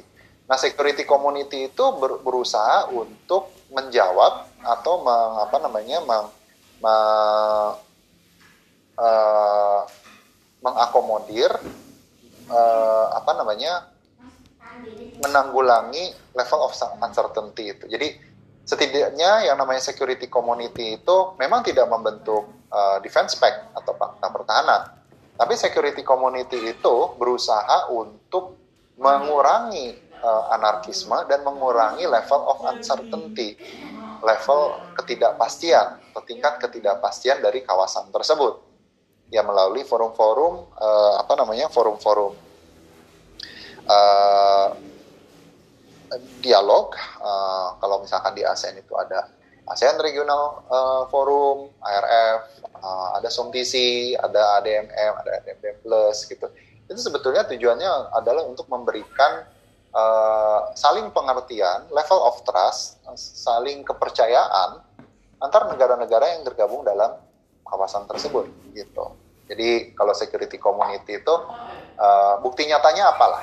Mungkin kalau collective defense NATO itu bukti nyatanya jelas. Udah ada NATO, lalu kemudian udah ada sekretariatnya NATO di Belgia dan yang paling penting collective defense itu itu terintegrasinya aktor-aktor keamanan itu sangat sangat sangat sangat terjadi di situ. Jadi kalau misalkan eh, negara-negara yang tergabung dalam NATO, misalkan uh, Belanda membutuhkan komandan uh, kavaleri uh, karena misalkan komandan kavaleri yang nggak ada, dia bisa merekrut dari negara lain yang tergabung dalam NATO tersebut. Seperti Jerman atau Prancis, NATO uh, Prancis sudah nggak ada, nggak keluar ya dari NATO atau eh, negara-negara uh, yang tergabung dalam NATO lah kira-kira seperti itu. Seperti Jerman gitu ya.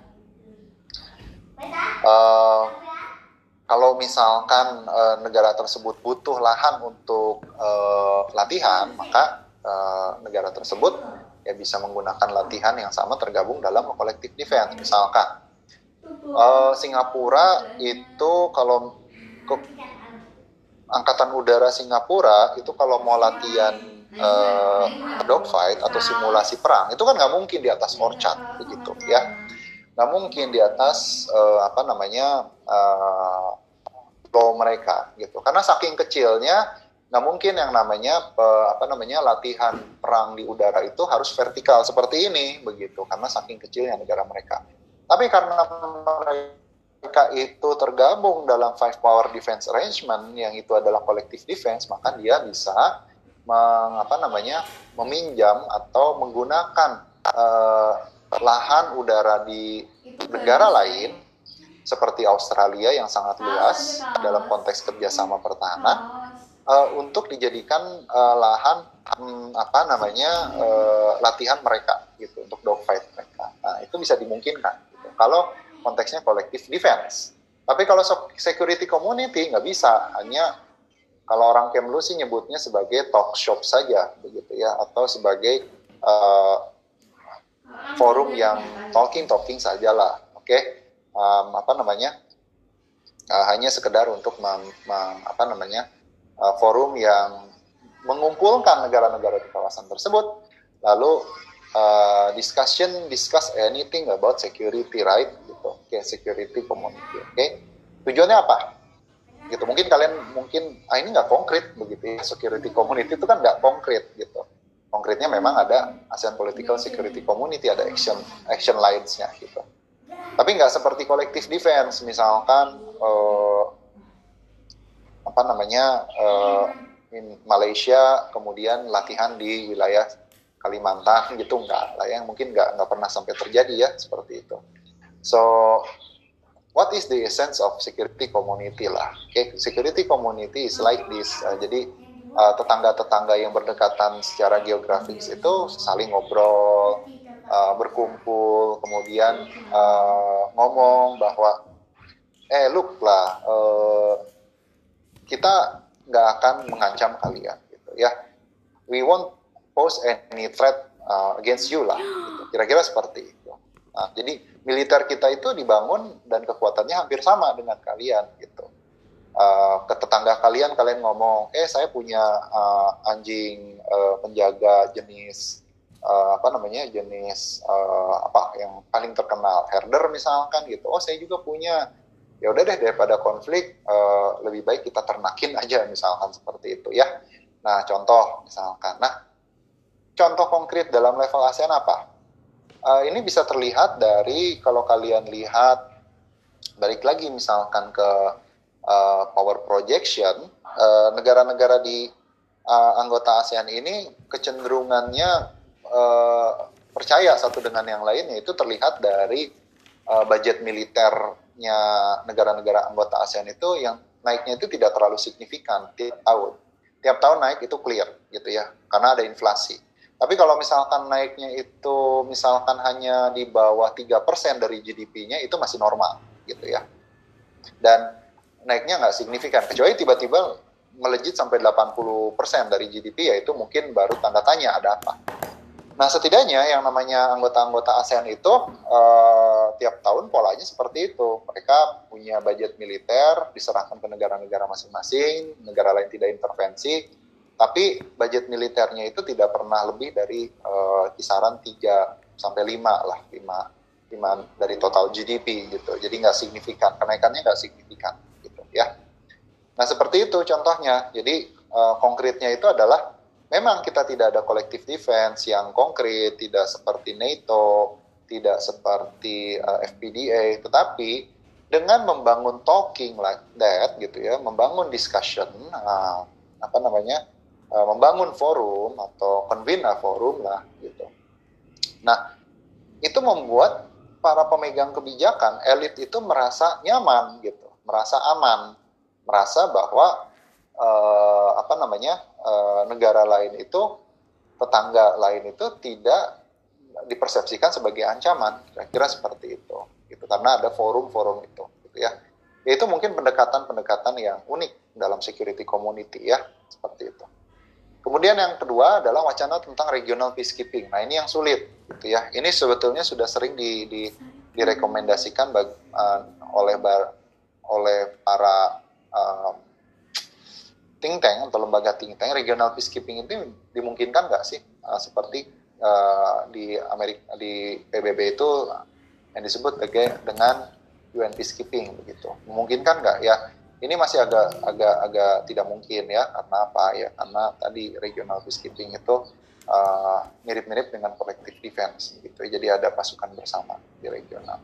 Perbeda perbedaan persepsi ancaman antar negara di kawasan ya itu juga sama. Nanti akan saya berikan lebih lanjut uh, di keamanan non tradisional dan seberapa efektifkah forum-forum keamanan dalam ASEAN Political Security Community yang tadi saya bilang ARF, SOMTC, uh, lalu kemudian ada MM Plus, uh, Talk Shopping saja lah gitu ya. Uh, apa namanya? Apakah hanya se sebatas itu saja kah? Atau ada ada um, apa namanya? Konkretnya apa? Karena kalau misalkan kita lihat ya, saya sering sering uh, diskusi dengan orang-orang di Kemlu terutama di Dirpol Kamasean gitu dan Kemenko Polhukam itu menariknya memang uh, ketika ASEAN Political Security Community ini dibentuk ya se bersamaan dengan nu ASEAN Charter 2015 gitu ya ASEAN Political uh, Political Security uh, Economic Security and um, apa namanya uh,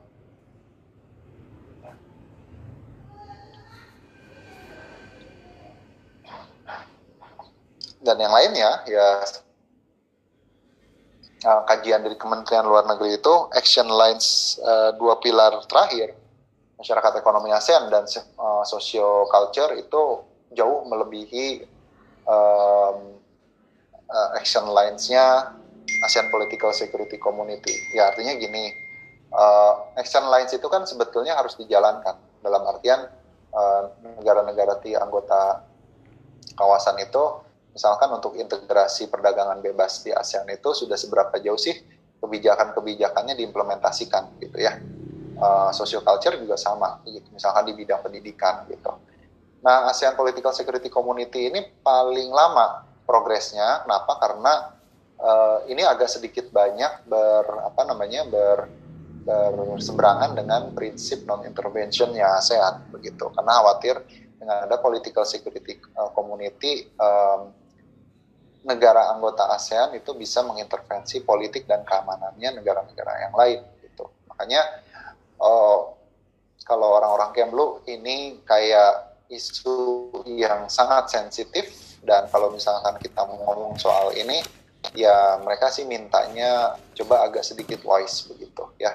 Ya kalau kita sih orang-orang pendidikan apa perguruan tinggi dan peneliti sih ya nggak bisa ya di, di begitu kan kecuali kalau misalkan uh, oke okay lah kalau bikin project riset tentang uh, ASEAN Political Security Community tapi dengan dengan less uh, apa namanya less uh, sensitif begitu ya mungkin bisa begitu karena itu basisnya project. Nah itulah kenapa kemudian kalau dalam konteks konflik yang ada di ASEAN seperti Kamboja Filipina, eh sorry Kamboja uh, Thailand gitu ya terkait kuil Previar atau Indonesia Malaysia di selat uh, di Blok Ambalat ataupun di mana namanya di Cipadan Ligitan itu jarang uh, mereka membawanya itu ke forum ASEAN. Tapi mereka bawanya itu pasti keluar wilayah forum. Kenapa? Karena kalau dalam konteks konflik uh, ASEAN itu lebih suka uh, membicarakannya secara bilateral gitu. Sebenarnya kalau misalkan kalian tahu kenapa kemudian ASEAN ini disebut sebagai hallmarknya uh, um, kebijakan luar negeri ASEAN karena beberapa norma dan nilai yang ada di ASEAN itu mirip dengan norma dan nilai yang ada di kebijakan luar negeri Indonesia gitu. Dan kalau misalkan kalian tahu misalkan Indonesia itu lebih suka dengan pendekatan-pendekatan yang sifatnya musyawarah mufakat gitu. Nah, itu juga sebetulnya dipraktekkan di ASEAN begitu ya. Bagaimana forum-forum itu dibentuk uh, di security community itu sebetulnya adalah untuk musyawarah mufakat, untuk mengurangi tingkat konflik, untuk mengurangi tingkat ketidakpastian yang ada di ASEAN seperti itu, gitu ya. Nah kalau sebetulnya kalau yang menarik juga ini ilmu politik sebetulnya, kenapa kemudian musyawarah mufakat itu ada di dalam dalam dalam uh, uh, undang-undang dasar kita, Pancasila, gitu ya sebagai filosofi dasar negara kita, memang sedikit banyak uh, ini terpengaruh oleh uh, apa namanya uh, budaya Jawa uh, budaya Soeharto yang sangat kental dengan uh, budaya Jawanya yang uh, ketika ada konflik yang kemudian diharuskan itu adalah uh, musyawarah bukan bukan bukan fisik begitu. Ya itu biasanya terjadinya di budaya-budaya Jawa begitu. Makanya kan kenapa kemudian Jawa uh, masih menjadi pertanyaan benar nggak sih Jawa dan Sunda itu pernah berperang satu dengan yang lainnya karena uh, dua budaya ini dua etnis ini adalah dua uh, etnis yang beda, tetapi kalau dalam konflik itu mereka sama gitu. Mereka lebih suka musyawarah ketimbang uh, konflik terbuka gitu. Konon seperti itu, saya kurang tahu karena saya bukan ahli politik Jawa begitu ya, tapi yang saya pernah dengar uh, dari orang-orang yang pernah belajar tentang politik Jawa ya seperti itu begitu ya. Dan itu yang dibawa juga ke ASEAN. Gitu. Nah, pendekatan-pendekatan musyawarah. Oke. Okay? Oke, aliansi militer dengan aktor di luar kawasan ini juga menjadi penting. Manakala kita misalkan melihat uh, kenapa masih ada uh, apa namanya uh, aliansi, uh, sorry, uh, pangkalan militer di Filipina misalkan. Lalu kemudian Filipina dengan uh, Vietnam dengan Amerika Serikat yang dulunya pernah berperang sekarang uh, bersahabat untuk menghadapi Cina sama-sama. Gitu, Oke. Okay? Oke, keamanan internasional, maka keamanan internasional itu uh, sebagai uh, in essence itu sebetulnya negara sebagai aktor utama. Nah, pendekatan terhadap keamanan fokus pada negara karena tiga hal ya, maaf. Negara merupakan aktor utama dalam hubungan internasional, memiliki perhatian sangat besar pada keamanan, dan tujuan dan caranya itu terfokus pada peningkatan teknologi, kapabilitas militer, dan kerjasama politik. Ya, kita lanjut dulu. Sehingga keamanan internasional tradisional itu old military view selalu seperti ini, state center begitu ya. Negara sebagai main reference object dalam pemikiran tradisional gitu. Uh, contoh-contoh diskusi atau isu tentang keamanan internasional itu adalah military battle, uh, military sector, war and battle. Yang tadi saya bilang interstate wars ya. Cooperative security ini sebetulnya sedikit banyak mengakomodir juga aspek-aspek non tradisional. Kalian baca saja kooperatif security-nya Michael Mihalka ya. Kemudian yang ketiga, arms race dan arms dynamic, bagaimana kemudian balance of power itu selalu menjadi ciri khas dari keamanan internasional karena menghindari yang namanya uh, apa namanya tadi uh, zero sum game. Deterrence and nuclear proliferation WMD ya. Jadi kalau keamanan internasional itu selalu bicara tentang nuclear proliferation dan bagaimana kemudian negara-negara itu bisa uh, apa namanya uh, bisa patuh karena ada yang namanya deterrence gitu. Nuclear deterrence itu jadi kayak misalkan beberapa ahli menyatakan bahwa fungsi dari Dewan Keamanan PBB Gonsai misalkan atau Kegle Witkoff gitu pernah menyatakan bahwa fungsi dari Dewan Keamanan PBB itu adalah untuk mengurangi uh, anarkisme dan ketidakpastian. Kenapa? Karena lima negara permanen member ini adalah negara yang memiliki nuklir dan ini adalah negara-negara besar, begitu. Nah, nuklir itu tujuannya adalah untuk fungsi deterrence. Jadi supaya negara lain itu tidak punya nyali untuk menyerang negara tersebut, apa karena punya nuklir, gitu ya. Um, apa namanya? Hanya negara gila lah kalau misalkan kita merujuk pada realisme, negara itu pasti rasional, gitu tapi negara tersebut menjadi irasional manakala udah tahu punya nuklir masih kekeh diserang. Nah, itu fungsi dari deterrence, penggentar gitu ya. Fungsi deterrence itu sebetulnya semakin canggih kekuatan militer, apalagi sampai dengan punya nuklir, maka negara lain itu pasti akan berpikir dua kali untuk menyerang negara tersebut gitu. Um, deterrence itu sebetulnya uh, jenisnya banyak, gitu. The logic of deterrence itu banyak, tapi memang kita selalu merujuknya kepada nuklir, begitu ya. Kenapa kemudian yang pernah kalian uh, saya kasih lihat, kenapa war is going away, gitu ya? Itu karena yang namanya uh, tiga kondisi um, itu dimungkinkan negara itu tidak saling berkonflik satu dengan yang lainnya. Yang pertama itu adalah nuclear deterrence. Kita punya five permanent members walaupun memang uh, tidak hanya five permanen ya India Israel juga sebetulnya punya nuklir lalu kemudian kita punya uh, apa namanya sovereignty yang diakui oleh negara-negara lain dan yang paling penting adalah democratic peace theory. Negara-negara demokrasi tidak akan saling berperang dengan negara yang lainnya. Kelima, peacekeeping uh, operation atau peacekeeping force. Nah ini sebetulnya kajian teknisnya ada karena ini terkait dengan post conflict building dan hubungan sipil militer, gitu ya. Uh, defense diplomacy juga masuknya di sini peacekeeping operations. Peace and Conflict Studies juga sama, ini kaitannya dengan peacekeeping operation, aliansi militer atau collective defense itu biasanya berbicara tentang uh, tadi kerjasama pertahanan, uh, humanitarian and military intervention. Ini menarik kenapa? Karena um, negara itu boleh sebetulnya melakukan humanitarian and military intervention di, diatur di dalam UN Charter, diatur di dalam uh, piagam PBB begitu. Tapi tentu saja harus ada syarat-syaratnya. Kalian pelajari syarat-syaratnya apa saja. Apakah perang Irak atau invasi Amerika Serikat ke Irak itu uh, disahkan atau mendapatkan approval dari Dewan Keamanan PBB misalkan gitu ya. Oh, jawaban kalian tidak. Ya, pelajari kenapa kemudian bisa seperti dan tidak ada negara yang bisa mencegah gitu ya. Sembilan, International Cooperation in Defense Industries. Ini juga sebetulnya adalah kajian yang yang cukup menarik. Sebetulnya kalau misalkan kalian belajar tentang defense industries, ini menjadi menarik tadi filosofi yang awal. Kalau misalkan eh, eh, pertahanan itu adalah eh, berfungsi sebagai public service, kenapa kemudian negara-negara lain itu eh, meminta bantuan atau berkolaborasi dengan perusahaan swasta untuk membangun sebuah uh, teknologi militer. Misalkan Boeing sedikit banyak pasti terlibat di dalam pemba, uh, apa namanya uh, pembuatan um, jet tempur F-22 misalkan. Airbus juga sama begitu. Ada departemen khusus untuk defense industries-nya gitu. Mitsubishi Heavy Industry juga sama gitu. Daewoo juga sama gitu.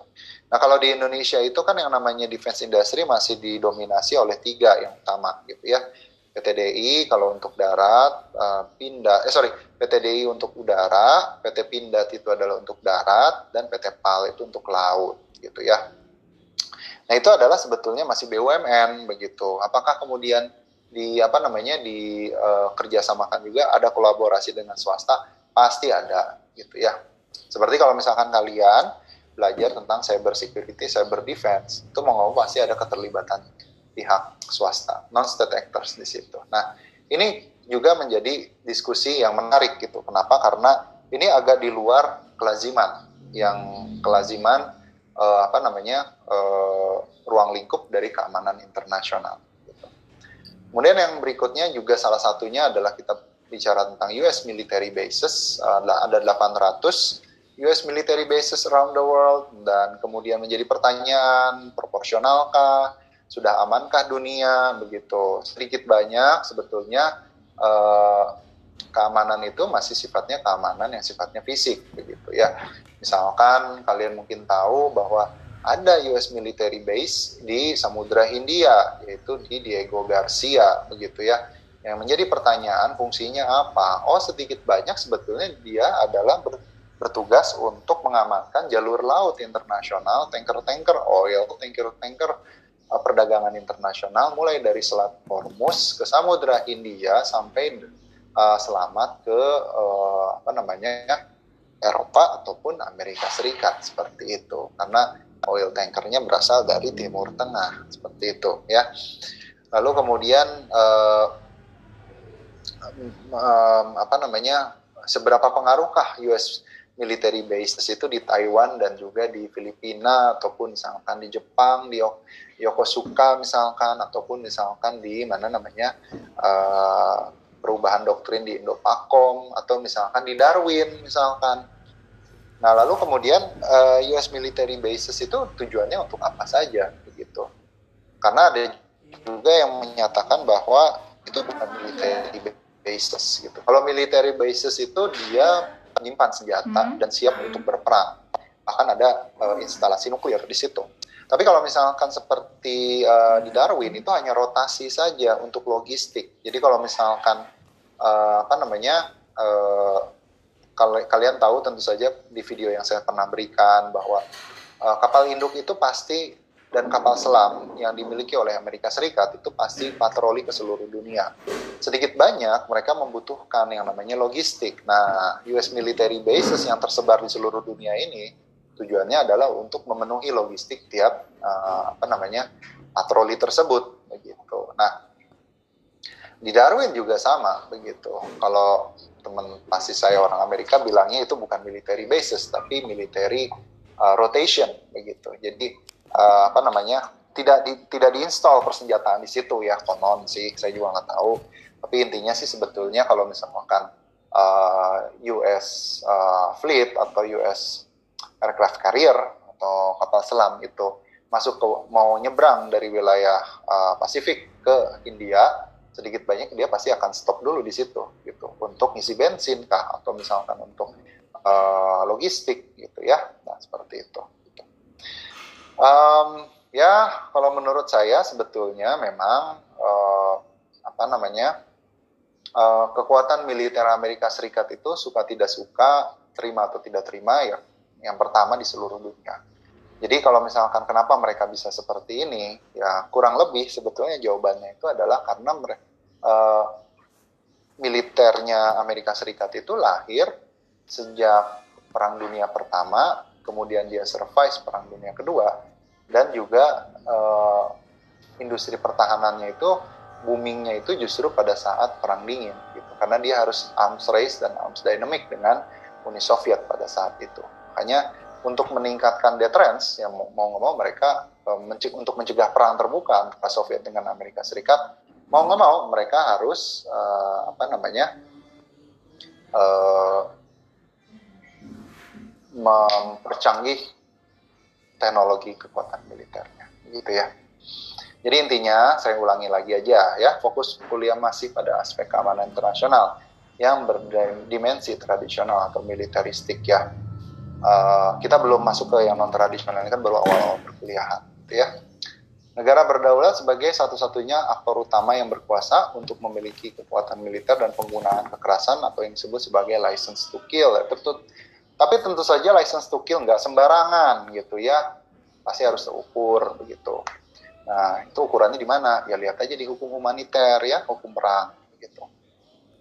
Indikator utama power politik suatu negara hanya dilihat dari kekuatan dan kecanggihan teknologi militernya saja gitu ya. Jadi semakin canggih suatu uh, militer, maka otomatis power politiknya apa bargaining politiknya lah ya bargaining politiknya itu uh, bargaining powernya makin tinggi gitu.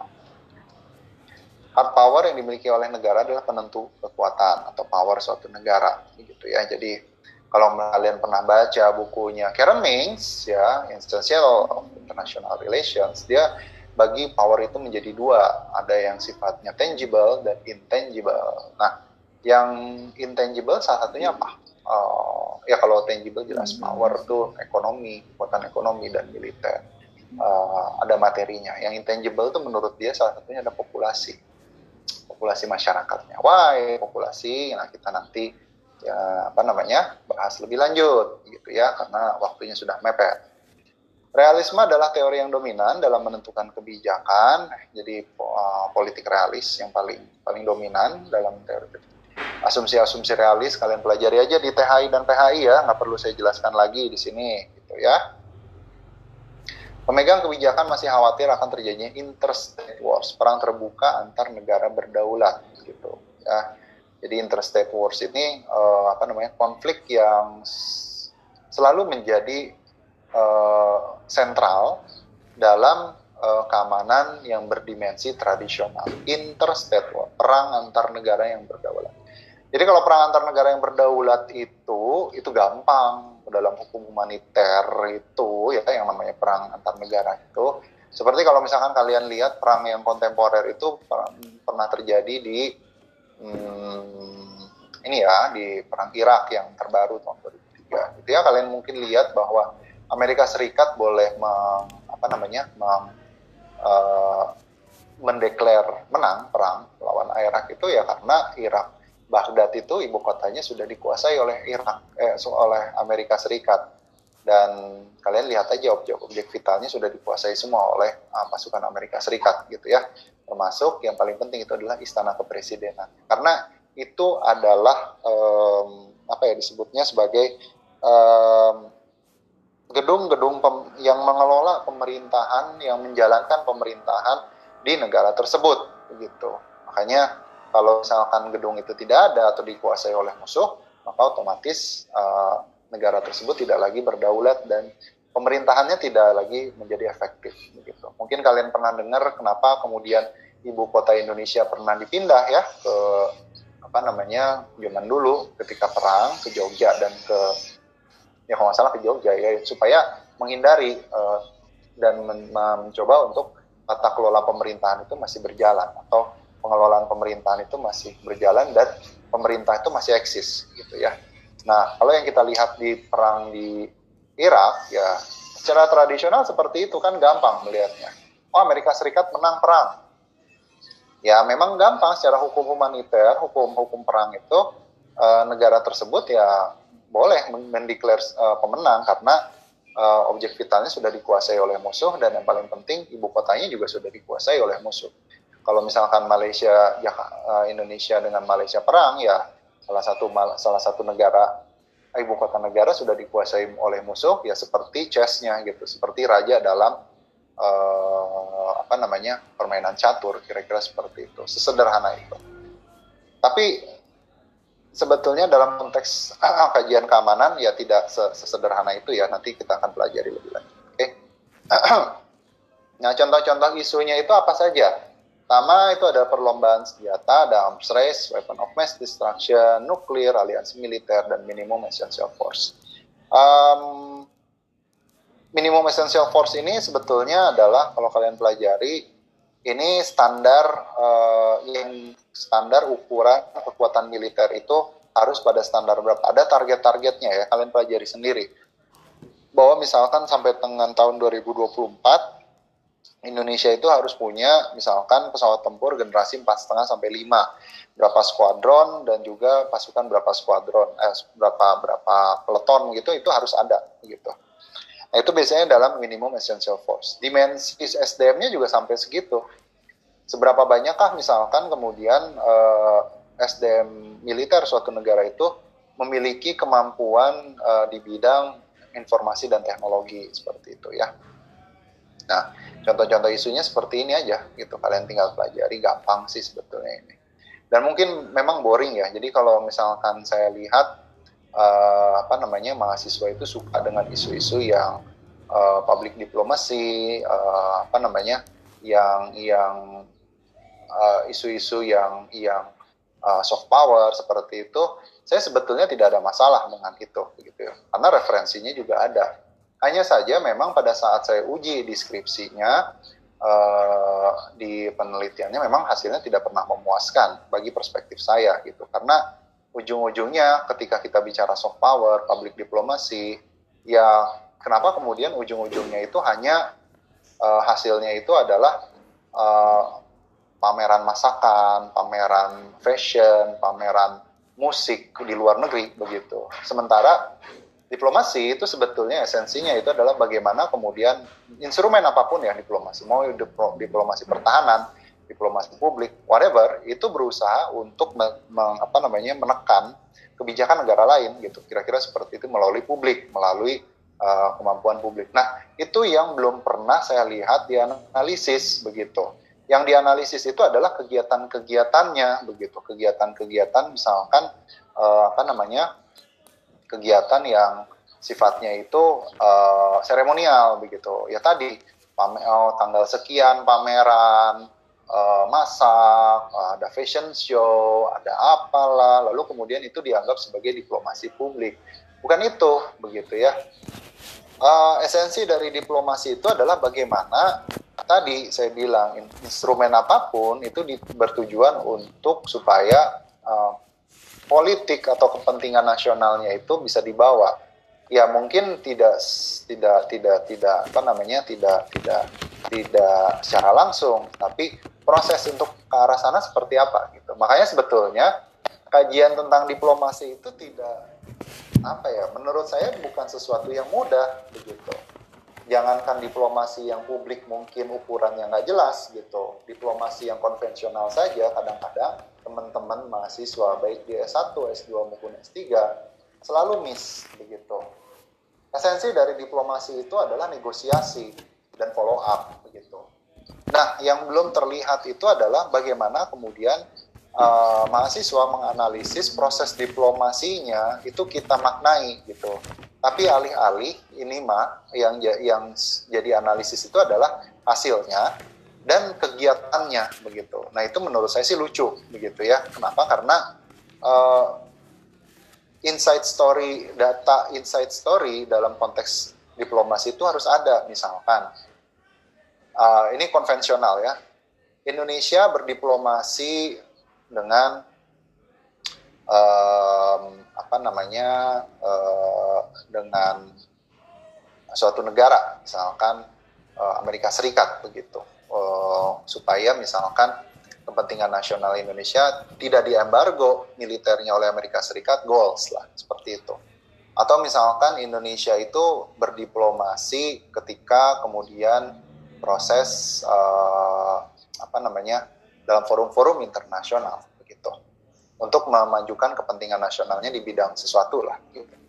Nah, analisis diplomasi datanya itu harusnya selain notulensi pada saat forum, tetapi kalau bisa kalian harus wawancara pelaku-pelaku diplomasi itu pada saat mereka negosiasi dan juga yang paling penting itu adalah faktor-faktor non teknisnya. Apa itu non teknisnya? Yang saya selalu bilang bahwa kalau dalam konteks diplomasi, kadang-kadang percakapan di luar forum, misalkan di meja makan, pada saat makan siang, pada saat rehat, lobby-lobby yang tidak direkam, itu lebih berpengaruh dalam menentukan kebijakan, lebih, lebih berpengaruh dalam menentukan sikap suatu negara, ketimbang di forum-forum yang sifatnya formal.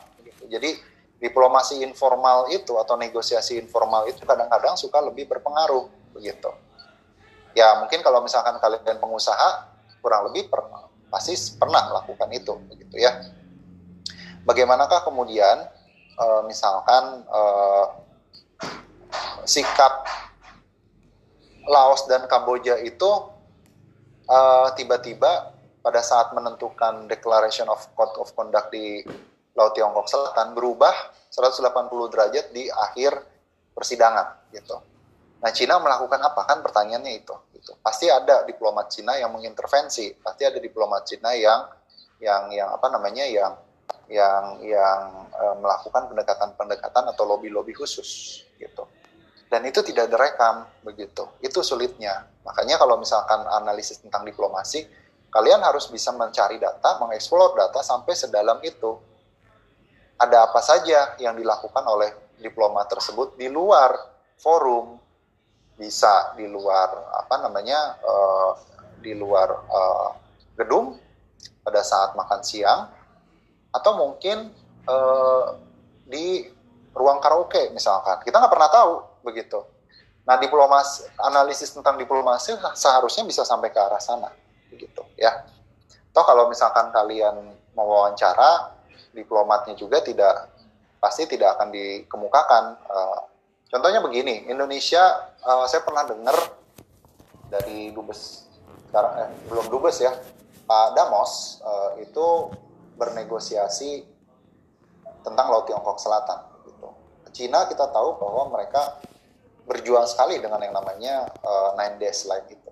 Gitu. Nah, mereka berusaha untuk mempengaruhi Indonesia. Gitu.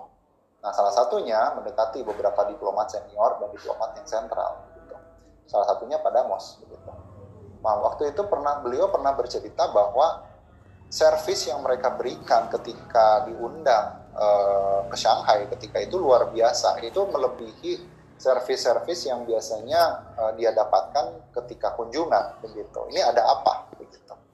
Nah, di situ sebetulnya adalah diplomasi bermain begitu. Bagaimana China uh, sebegitu persistentnya untuk memperjuangkan yang disebut uh, tadi nine dash line di uh, Laut Tiongkok Selatan. Seperti itu ya. Jadi seperti itu. Jadi uh, ada apa sih begitu? Uh, apa namanya? Uh, dalam diplomasi itu. Ada apa sih dalam negosiasi? Lobby lobbynya tuh ngomong apa aja? Itu harusnya ada gitu dalam analisis analisis tentang diplomasi. Even itu adalah diplomasi publik gitu ya. Uh, dan banyak begitu ya walaupun memang agak sulit ya mendapatkan data-data seperti ini karena ya apa namanya data-datanya sifatnya rahasia begitu bisa saja kita ambilnya itu dari perspektif makro gitu ya bagaimana kemudian uh, apa namanya um, China itu um, sangat berpengaruh sekali dalam uh, apa namanya dalam industri olahraga di Amerika Serikat melalui diplomasi publiknya begitu ya. Itu ini ini apa namanya kajian lain lah kira-kira seperti itu. Oke? Okay? oke sudah jam 14.50 um, sampai sini ada pertanyaan dulu